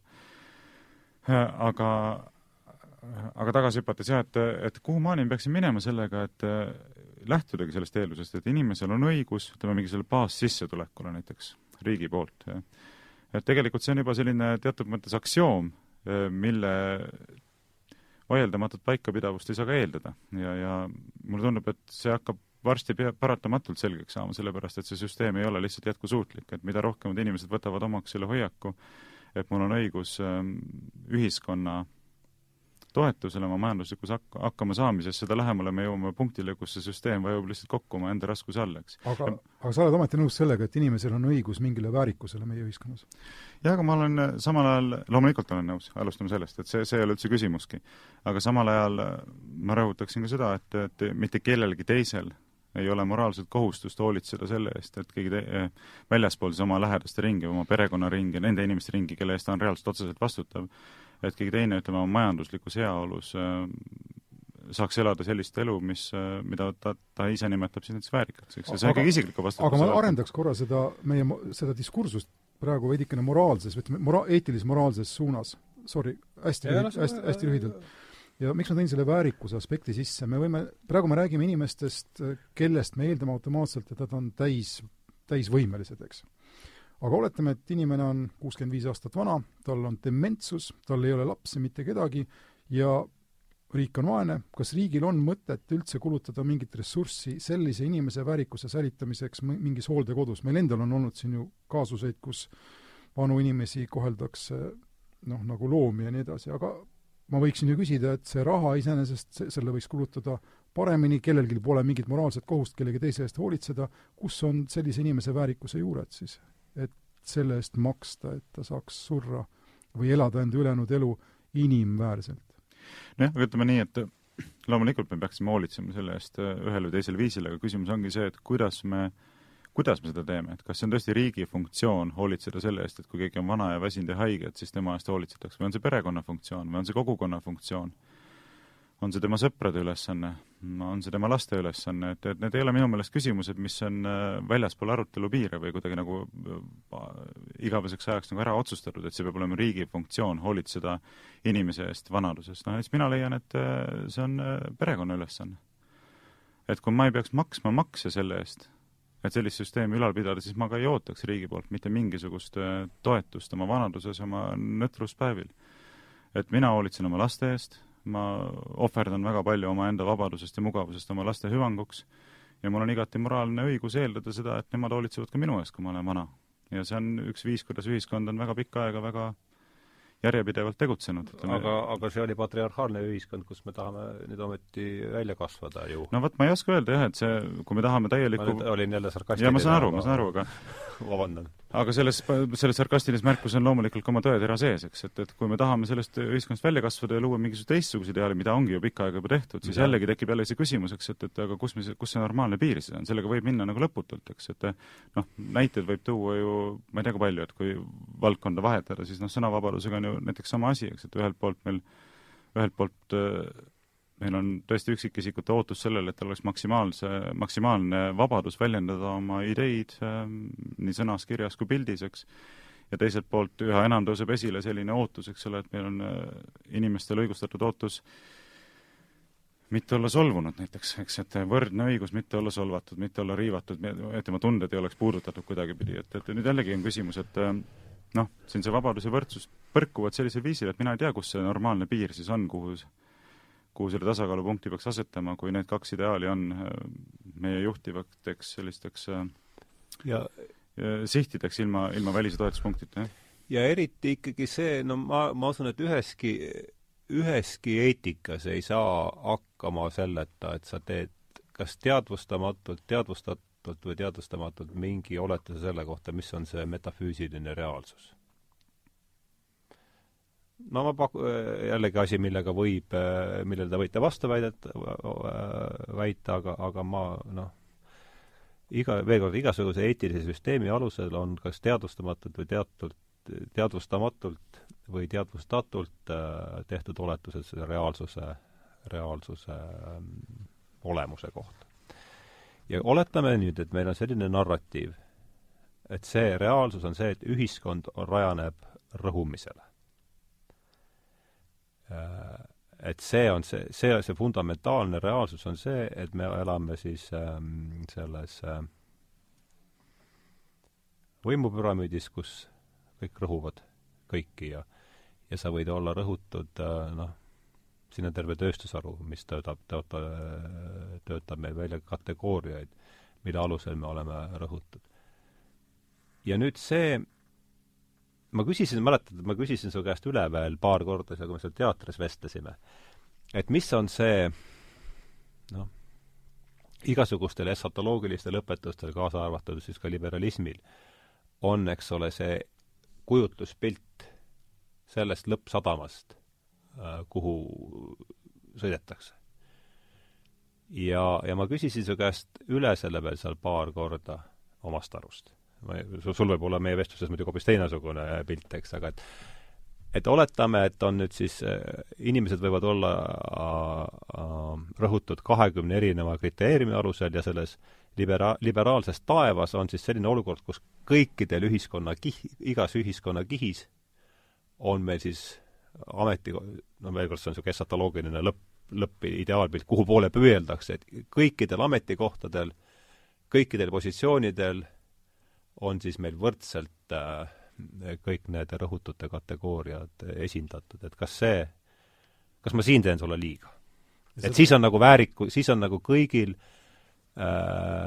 siis on kõigil, noh, alg-, hakkas see pihta jutt sellest, et peab olema kõikidel ametikohtadel võrdselt naisi.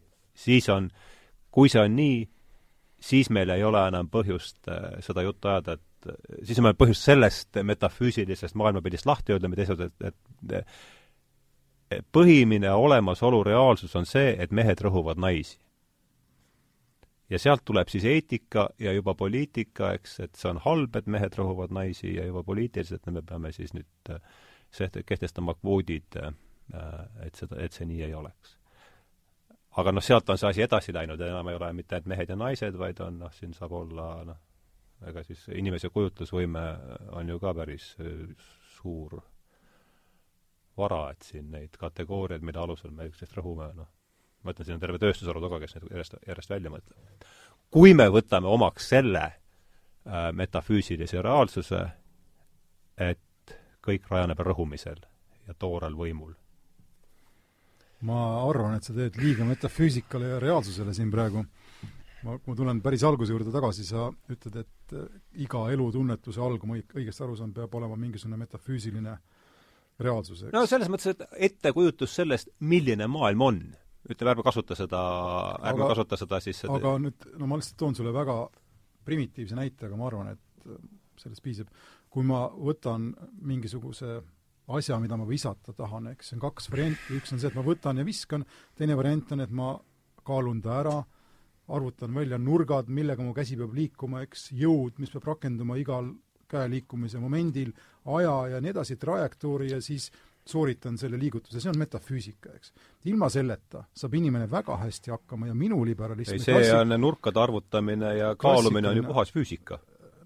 see on metafüüsika selles mõttes, et kumb on nüüd põhimisem selles viskamises, kas nende nurkade ja nii edasi teadmine ja olemasolu või lihtsalt sinu oskus, mis on mingisuguses praktikas noh, hangitud, ilma et sa oleksid mõelnud sellele, see on see, mida ma üritan öelda. suurem osa inimese elust toimub mõtlemata. no ma ütlesingi, kas see on teadvustamatult või teadvutamatult äh... jaa, aga see, kui sa räägid siin kahekümnest kriteeriumist, mille alusel võib olla rõhutud, eks, see on nüüd äh, noh, metafüüsika karik-, karikatuur mm., need rõhutuse point, rõhutuse, rõhutuse punktid meie nii-öelda noh, ajaloos, eks mis puudutab ikkagi suuri asju nagu orjapidamine, ma ikkagi rõhutan mm, -hmm. naiste poliitiliselt võrdsed õigused ähm,, ja muu sarnane kraam, eks need on, ütleme, tööliste näiteks olukord Inglismaal sellest enam ei räägita väga, sellest Eiga, enam ei räägita mina, üldse tegelikult. tohib, ma nüüd panen selle siiasamasse ritta, eks tööliste olukord üheksateist, üheksateistkümnenda sajandi alguse varatööstuslikul Inglismaal, mis oli kohutav,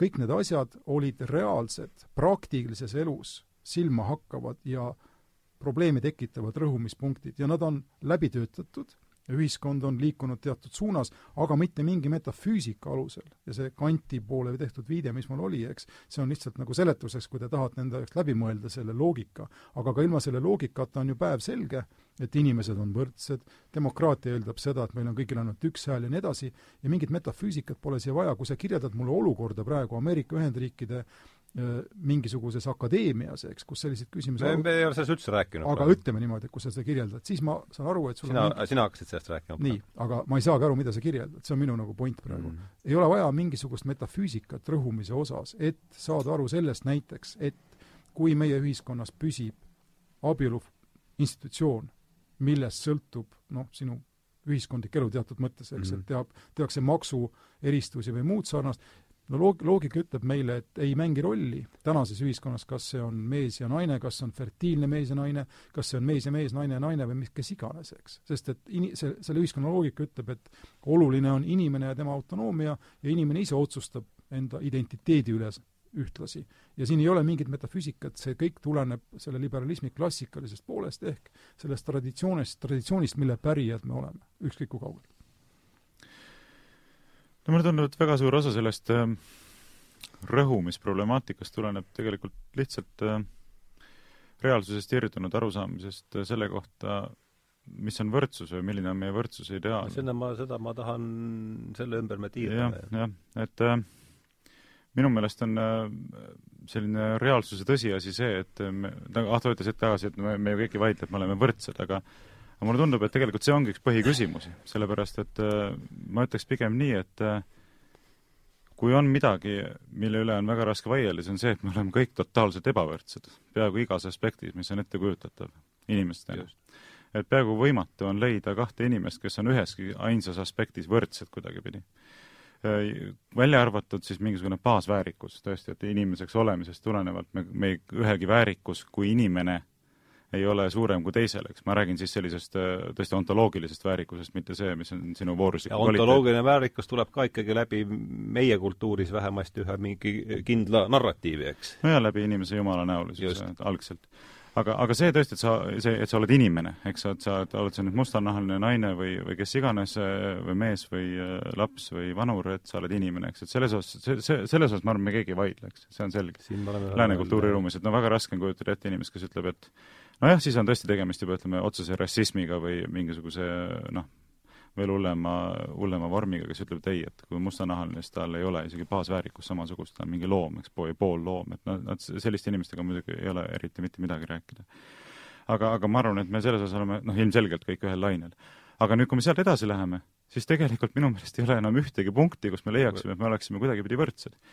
ja, ja ma kujutan ette, et sinu vastuargument võiks olla see, et aga, aga poliitilised õigused, eks no jah, ütleme olemasolevas süsteemis on meile tagatud põhimõtteliselt võrdsed poliitilised õigused või vähemalt ideaalina peaksid olema tagatud, eks.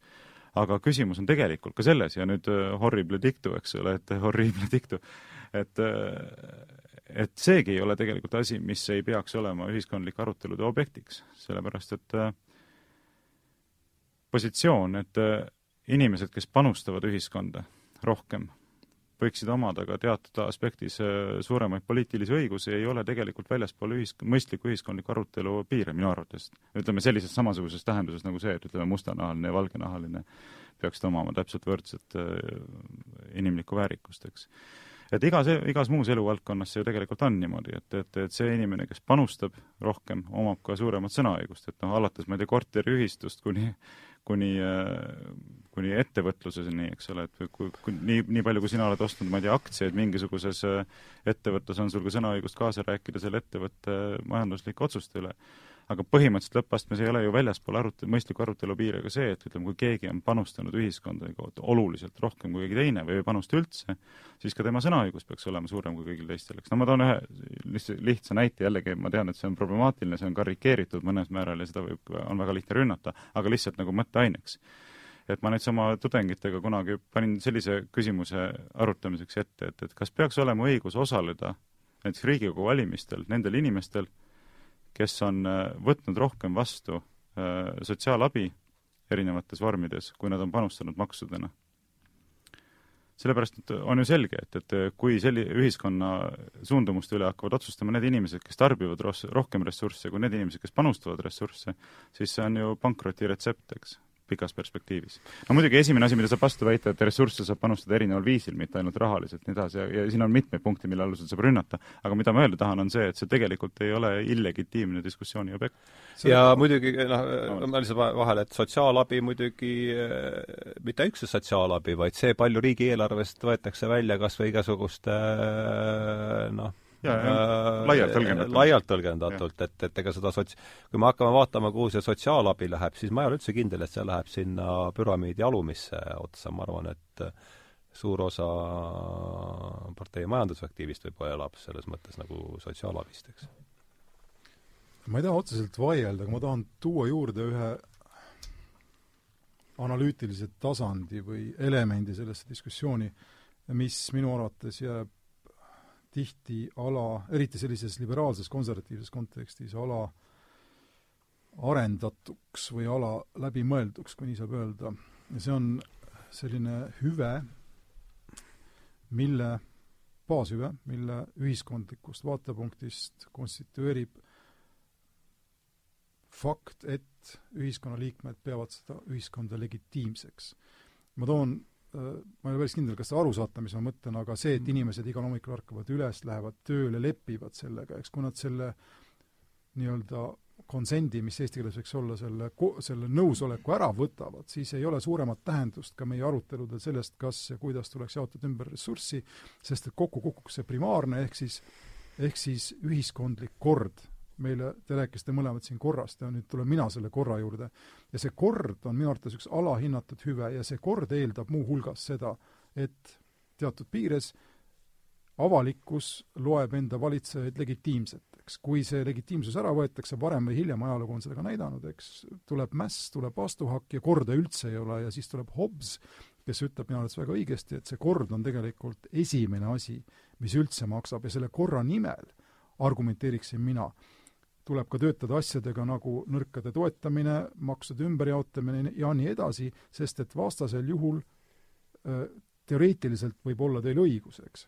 et, et, et inimesed, kes midagi pole ära teeninud, kes on vähem panustanud, peaks ikka vähem saama, aga kui seda legitiimsust ei ole, siis ei ole meil üldse midagi. samamoodi ju on rahaga, eks, kui igal hommik, üks hommikul ärkame kõik üles, vaatame, et tegemist on lihtsalt paberiga, kogu meie majandus kukub kokku. aga nüüd sa ütled ju sedasama asja mida sa enne minu suust ei tahtnud kuulda minu arvates. nimelt? et kus me, kus me leiame selle punkti, kus me saame teha kokkuleppeid ja see ongi seesama ju legitiimsuse ei, aga see ei ole kokkulepe, see on juba olemas. see, sellele tuleb mõelda. me peame seda kokkulepet pidevalt elus hoidma, aga see ei ole, seda ei teinud Hops ja Kant sul meie eest ära, noh. seda ei teinud ka noh äh, ei, pinged ja surved tuleb hoida mõistlikud ühiskonnas ja siis ta püsib.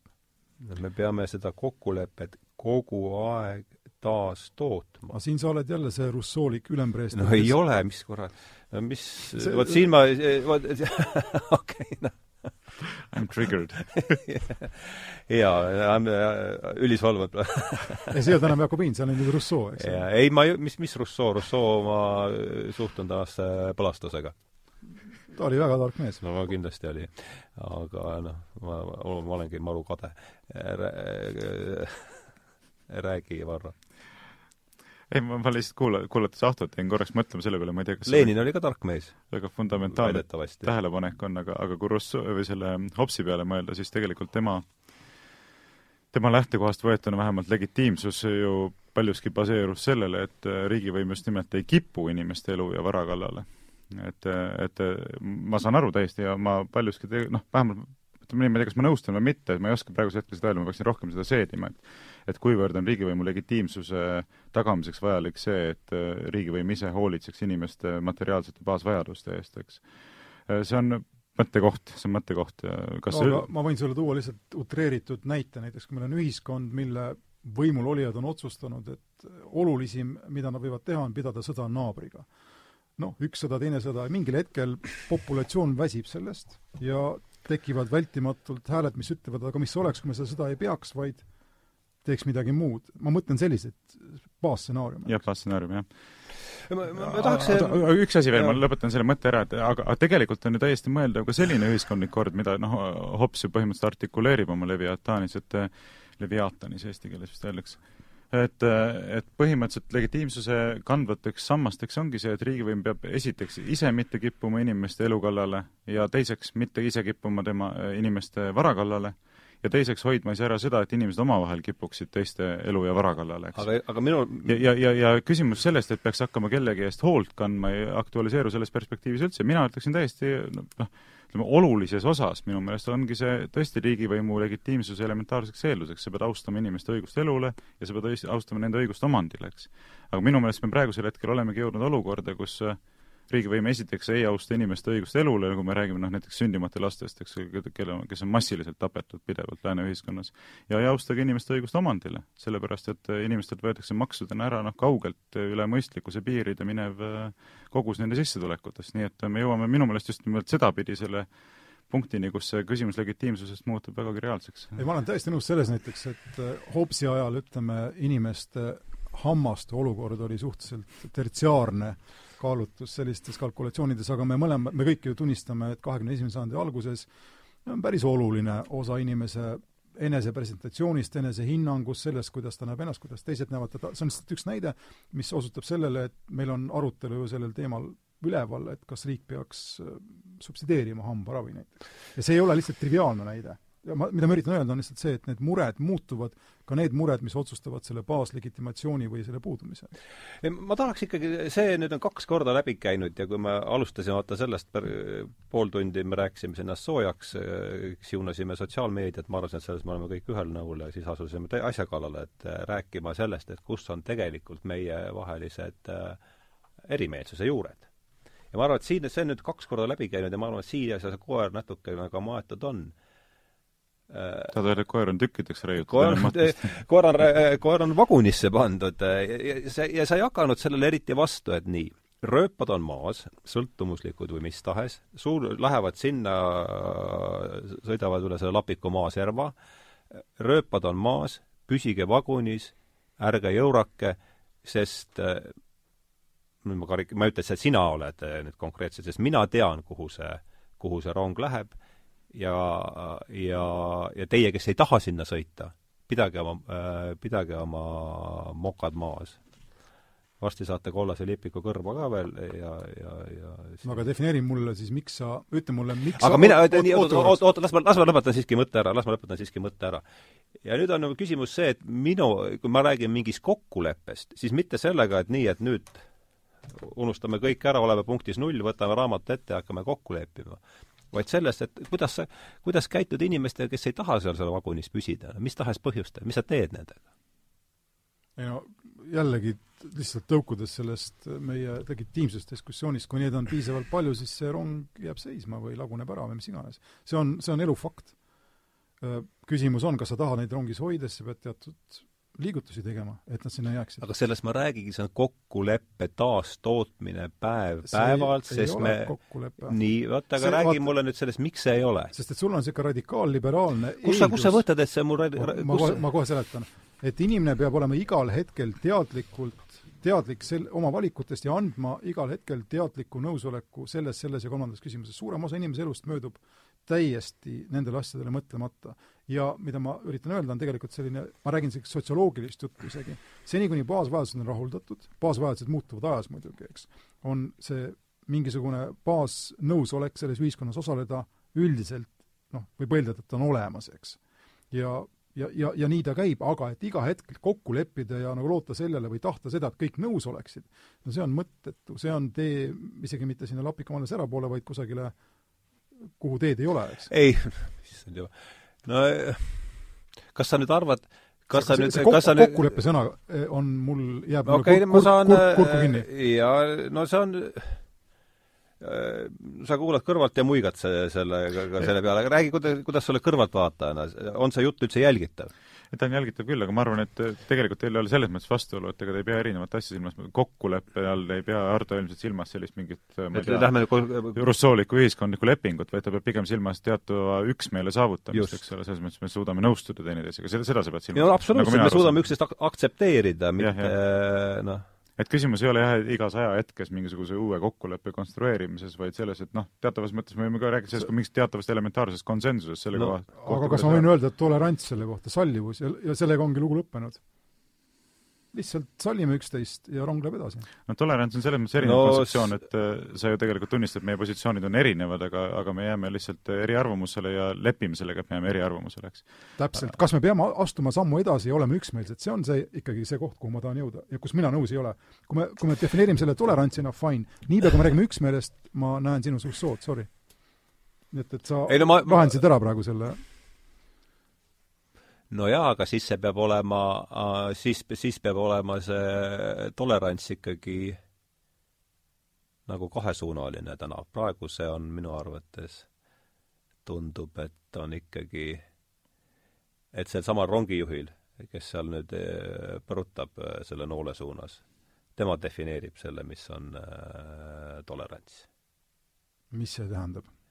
noh, see tähendab seda, et äh, et sa pead ikkagi omaks võtma selle, äh, nii palju, kui mina saan sellest tekkivast poliitilisest konsensusest praegu aru, et see, ja ärme kasuta siin tõesti sõna metafüüsika, aga see, mis defineerib meie olemist, on see, et me elame ühiskonnas, kus ühed rõhuvad teisi.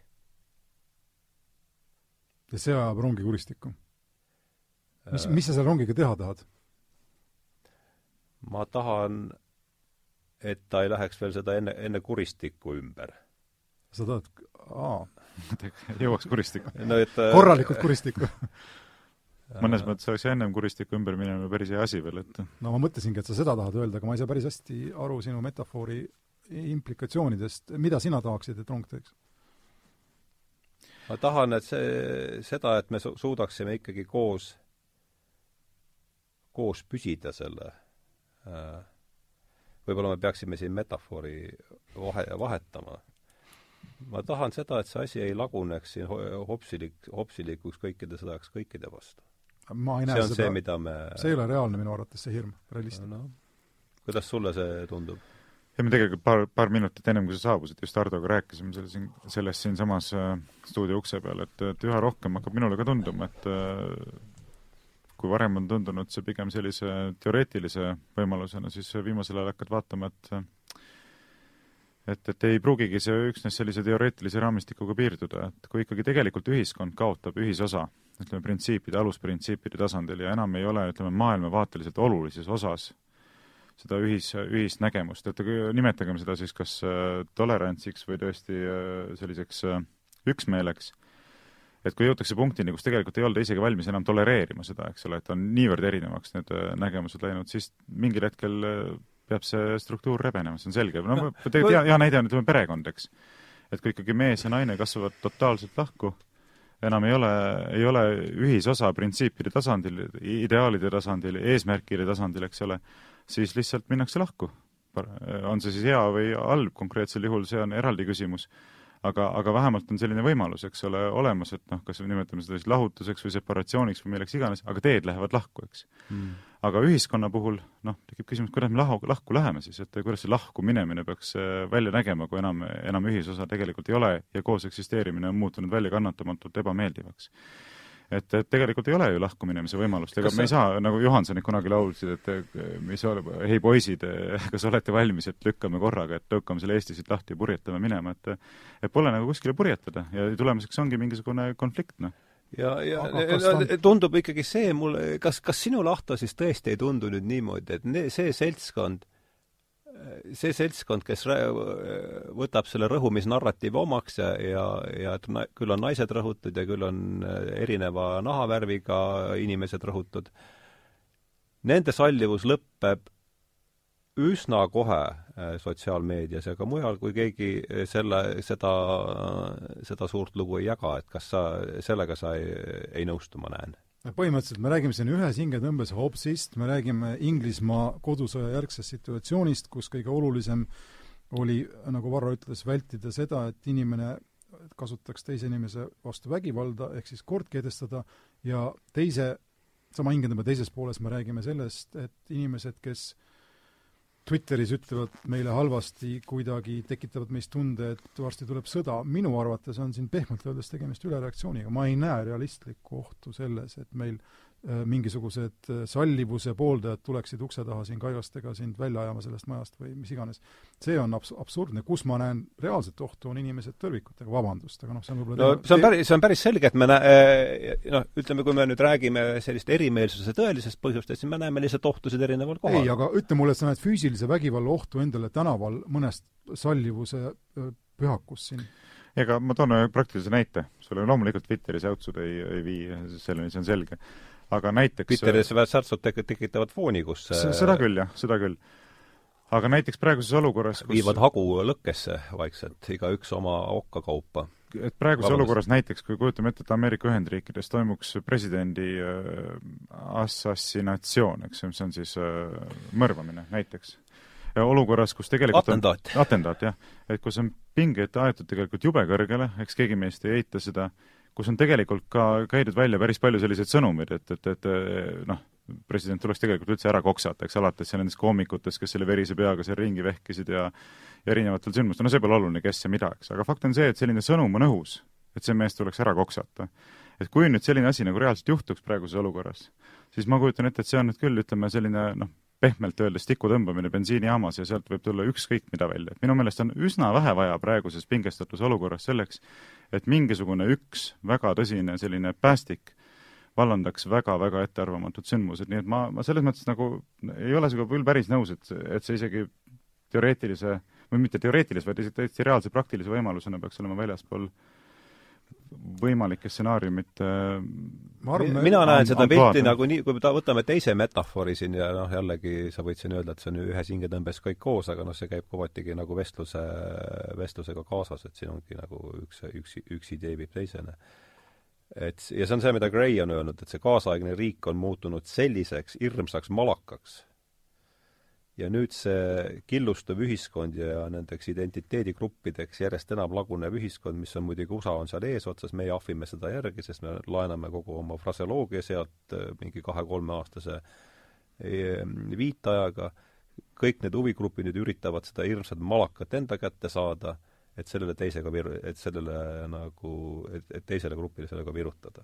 see on see, kuidas äh, mina seda pilti praegu näen, on ilmselge, et sa sellega ei nõustu. äh,, aga sellepärast ma nüüd lõpetangi oma äh, jutu ära ja annan sulle võimaluse mitte nõustuda minuga. ma korra mõtlesin, et lõpetan oma saate ära ei, selle siia see jääb, aga, aga ma jah, see oleks päris hea olnud. ja lõikan teid kõik välja veel lõpus ja siis no, pean isa, esimese isamaalise kõne. mingil määral see võib-olla juhtubki, aga ei, seda ei juhtu. aga äh, Kuku raadio versioonis juhtub, aga aga, aga me oleme üle, või teie antud hetkel või siis sina oled ületundlik, mulle tundub, ma lihtsalt oskan ainult korrata seda mõtet, et ma ei näe, et keegi see on tõsi, see on nüüd keegi tea... feminist sulle füüsilist ohtu kulut-, kujutaks endast, samas kui vabandust, aga noh, on tõrvikukandjaid meil. Ja ma isegi olen olnud tänaval koos inimesega näost näkku, eks, kes on noh, terroristaga kujutanud füüsilist ohtu mulle kui tolerandile ja ja no minu empiiriline kogemus ütleb, et mm, et, et, et, et, et reaalne oht lähtub ikkagi äärmustest ja on ajalooliselt lähtunud äärmustest ja paremast äärmusest esmajoones. vasak äärmus tuleb järgmisena, aga ükski, ma ei tea isegi Eestis feministi, kes oleks noh, võrreldav, ma ei tea, Saksamaa kommunistidega aastal tuhat kolmsada, tuhat üheksasada kolmkümmend kolm, eks. no see on minu jaoks lihtsalt absurd, sorry.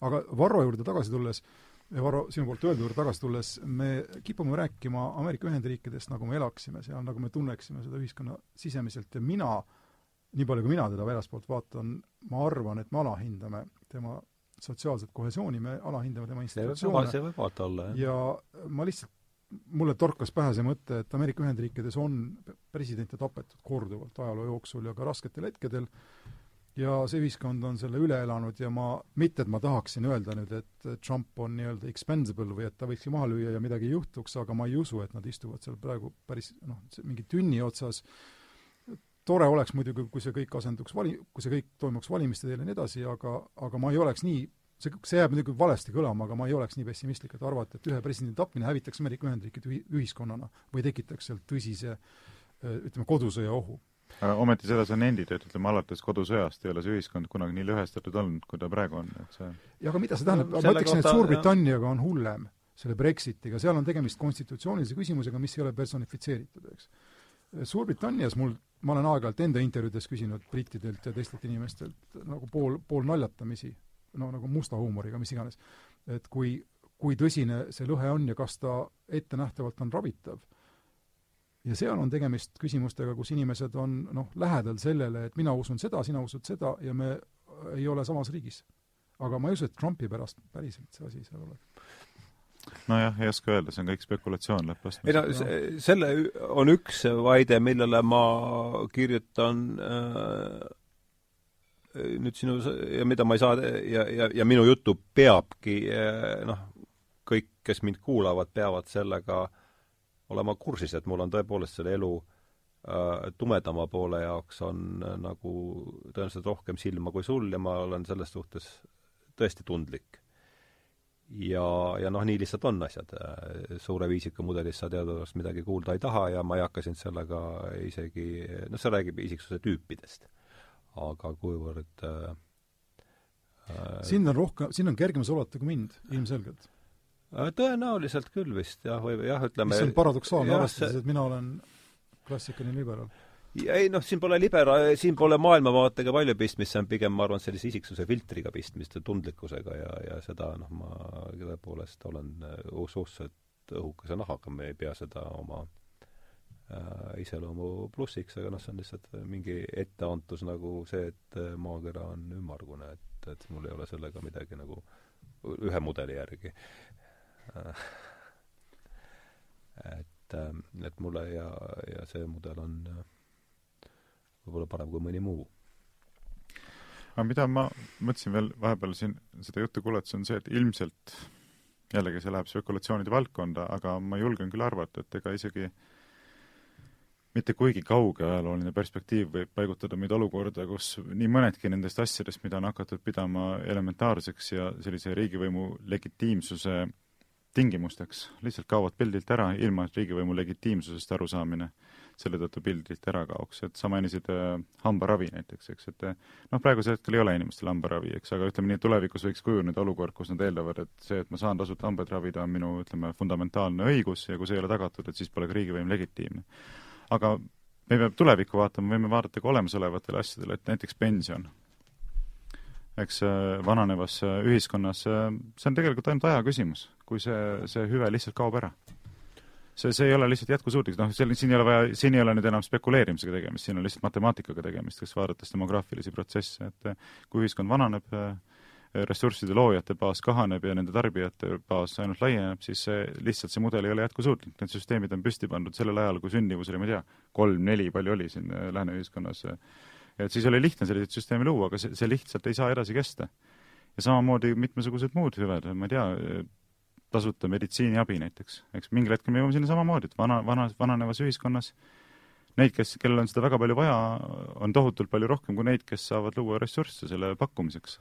ja, ja kõik muud hüved samamoodi, siin ma ei tea, kuni lõpuks korrakaitseteenuseni ja ja muu selliseni, et me võime jõuda olukorda, kus kõik need nii-öelda materiaalsed hüved, mis on olnud juba iseenesest mõistetavaks peetud, lihtsalt ei ole inimestele kättesaadav me peame harjuma sellega kahekümne esimesel või kahekümne teisel sajandil. me ei räägi siin üldse materiaalset hüüdist, me räägime kogu sellest, sellest, mis üm-, kõigest sellest, mis me peame iseenesestmõistetavaks enda ümber või see võib ühel hetkel seguda ma tahaks reageerida lihtsalt, kõik see, mida sa praegu loetlesid, Varro, on minu arvates kordades realistlikum äh, noh, stsenaarium äh, mingisuguseks ühiskondlikuks düsfunktsiooniks kui mingisugune Armageddon siin tolerantide ja mittetolerantide vahel. Kui see nüüd on selge mõte. pensioniga alates, see, see, mis siis saama hakkab, kui vaatame viimast valimiskampaaniat, millist rolli mängis pensionite tõusu lubamine, eks, kui nüüd peaks riigi ressursid kaduma seda pensionit maksta ja see pension vähenema, see oleks kataklüsm kindlasti. no see loob, see loob majand-, me oleme seda ma olen kogu aeg rääkinud, me kärgime siin üksteise peale kirglikult, kui meil on töötus viis protsenti, kui töötus kahekümne viie protsendi peale tõuseb, mis me, mis mm., mis siis siin lahti läheb, noh? muuseas, lihtsalt sellise huvitava mis mismoodi see Facebook ja Twitter, mis siis hakkavad välja nägema? jah, ma arvangi, et need kaks tendentsi hakkavad teineteist vastastikku võimendama, sest mida suuremaks lähevad sellised majanduslikud kitsikused, seda rohkem hakkavad tegelikult äh, plahvatusohtlikuks messiaanlikud, messiaanlikud äh, liidrid on ju kohe meil võtta siis sarnast. just, just. jaa, aga võitlevaid liberaale majanduskitsikus reeglina ei tekita juurde, nii et jah, jah, see on, see on pigem tõsi, jah. muuseas, lihtsalt kõrvalepõikena, et äh, mitte kuigi ammu ma ei saa ühtegi nime nimetada siin, sest see oleks ebaviisakas, aga vahetult enne valimisi, seal mõned nädalad äh, oli põgus jutuajamine ühe Eesti poliitikuga, kes on absoluutses tipus.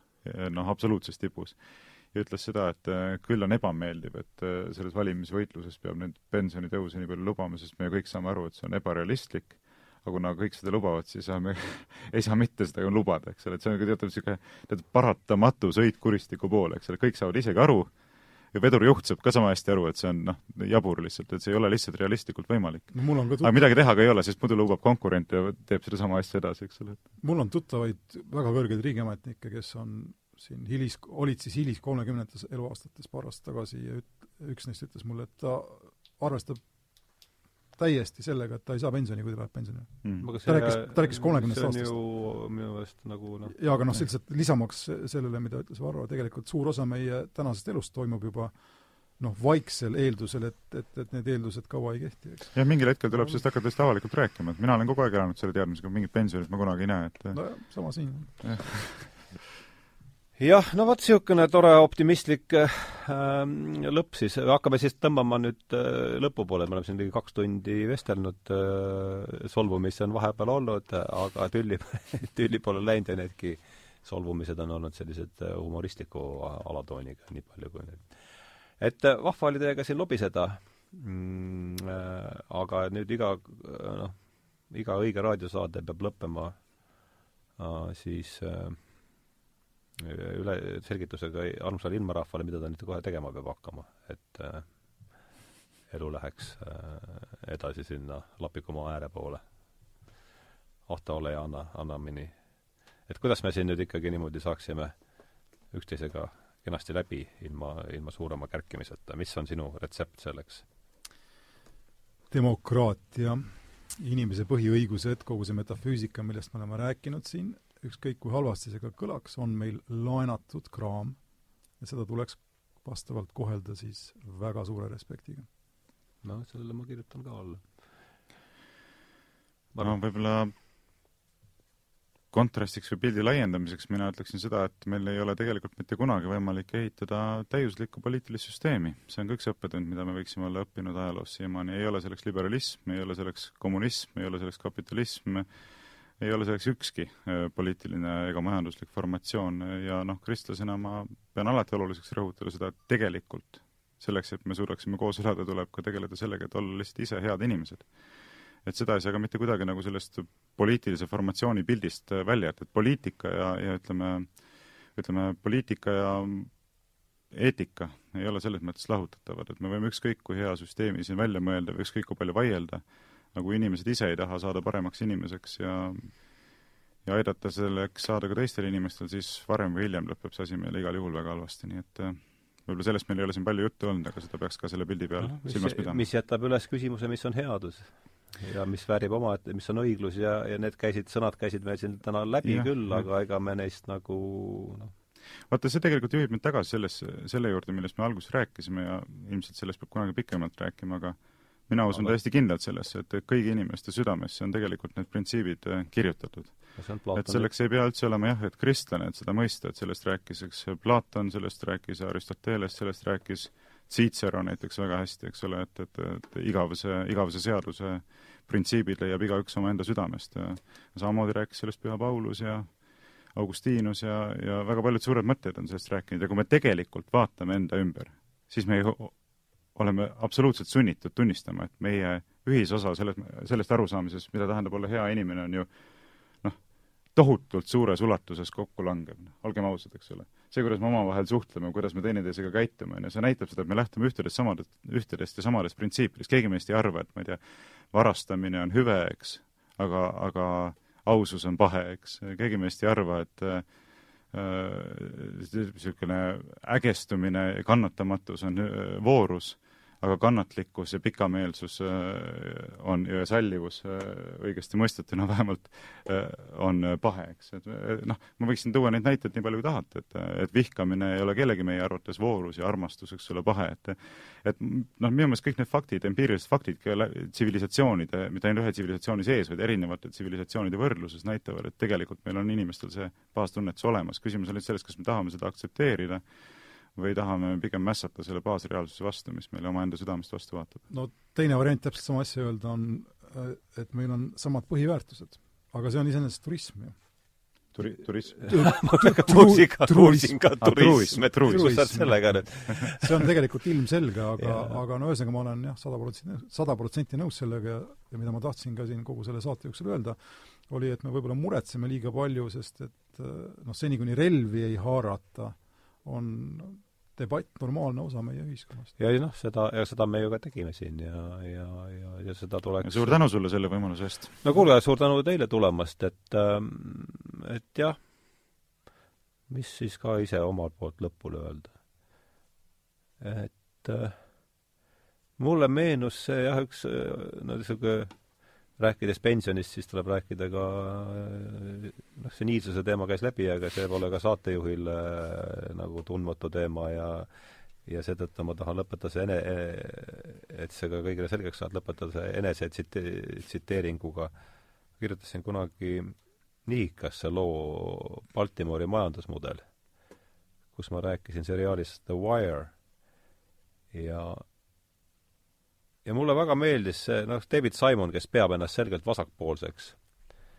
ja, ja tema hoiak oli mulle ka seal väga-väga südamelähedane, et, et jah, et see inglise keeles city is a complicated thing uh,, linn on keeruline asi, ta räägib siis Baltimorist ja et ega ta seal, seal toimub ühegi ismi alla, ühegi ismi alla ei mahu ja ja, ja see haakus ju sellega, mis Varro siin rääkis, et eks me peaks jah, neid lahendusi eh, nii vähe või palju neid on, võiks otsida enda seest, kui sama, sama rohkem võib-olla enda seest kui sellest poliitiliselt areenilt, kuhu tundub, et kogu meie jõupingutused on viimasel ajal nagu rohkem suunatud, et me ootame lahendust poliitilisest sfäärist, kui sama hästi peaks, sama palju peaks sellega tegelema, mis seal enda enda sees toimub, et selline natukene lame võib-olla äh, mõte enda poolt, aga aga ma tõesti arvan, et see nii on, et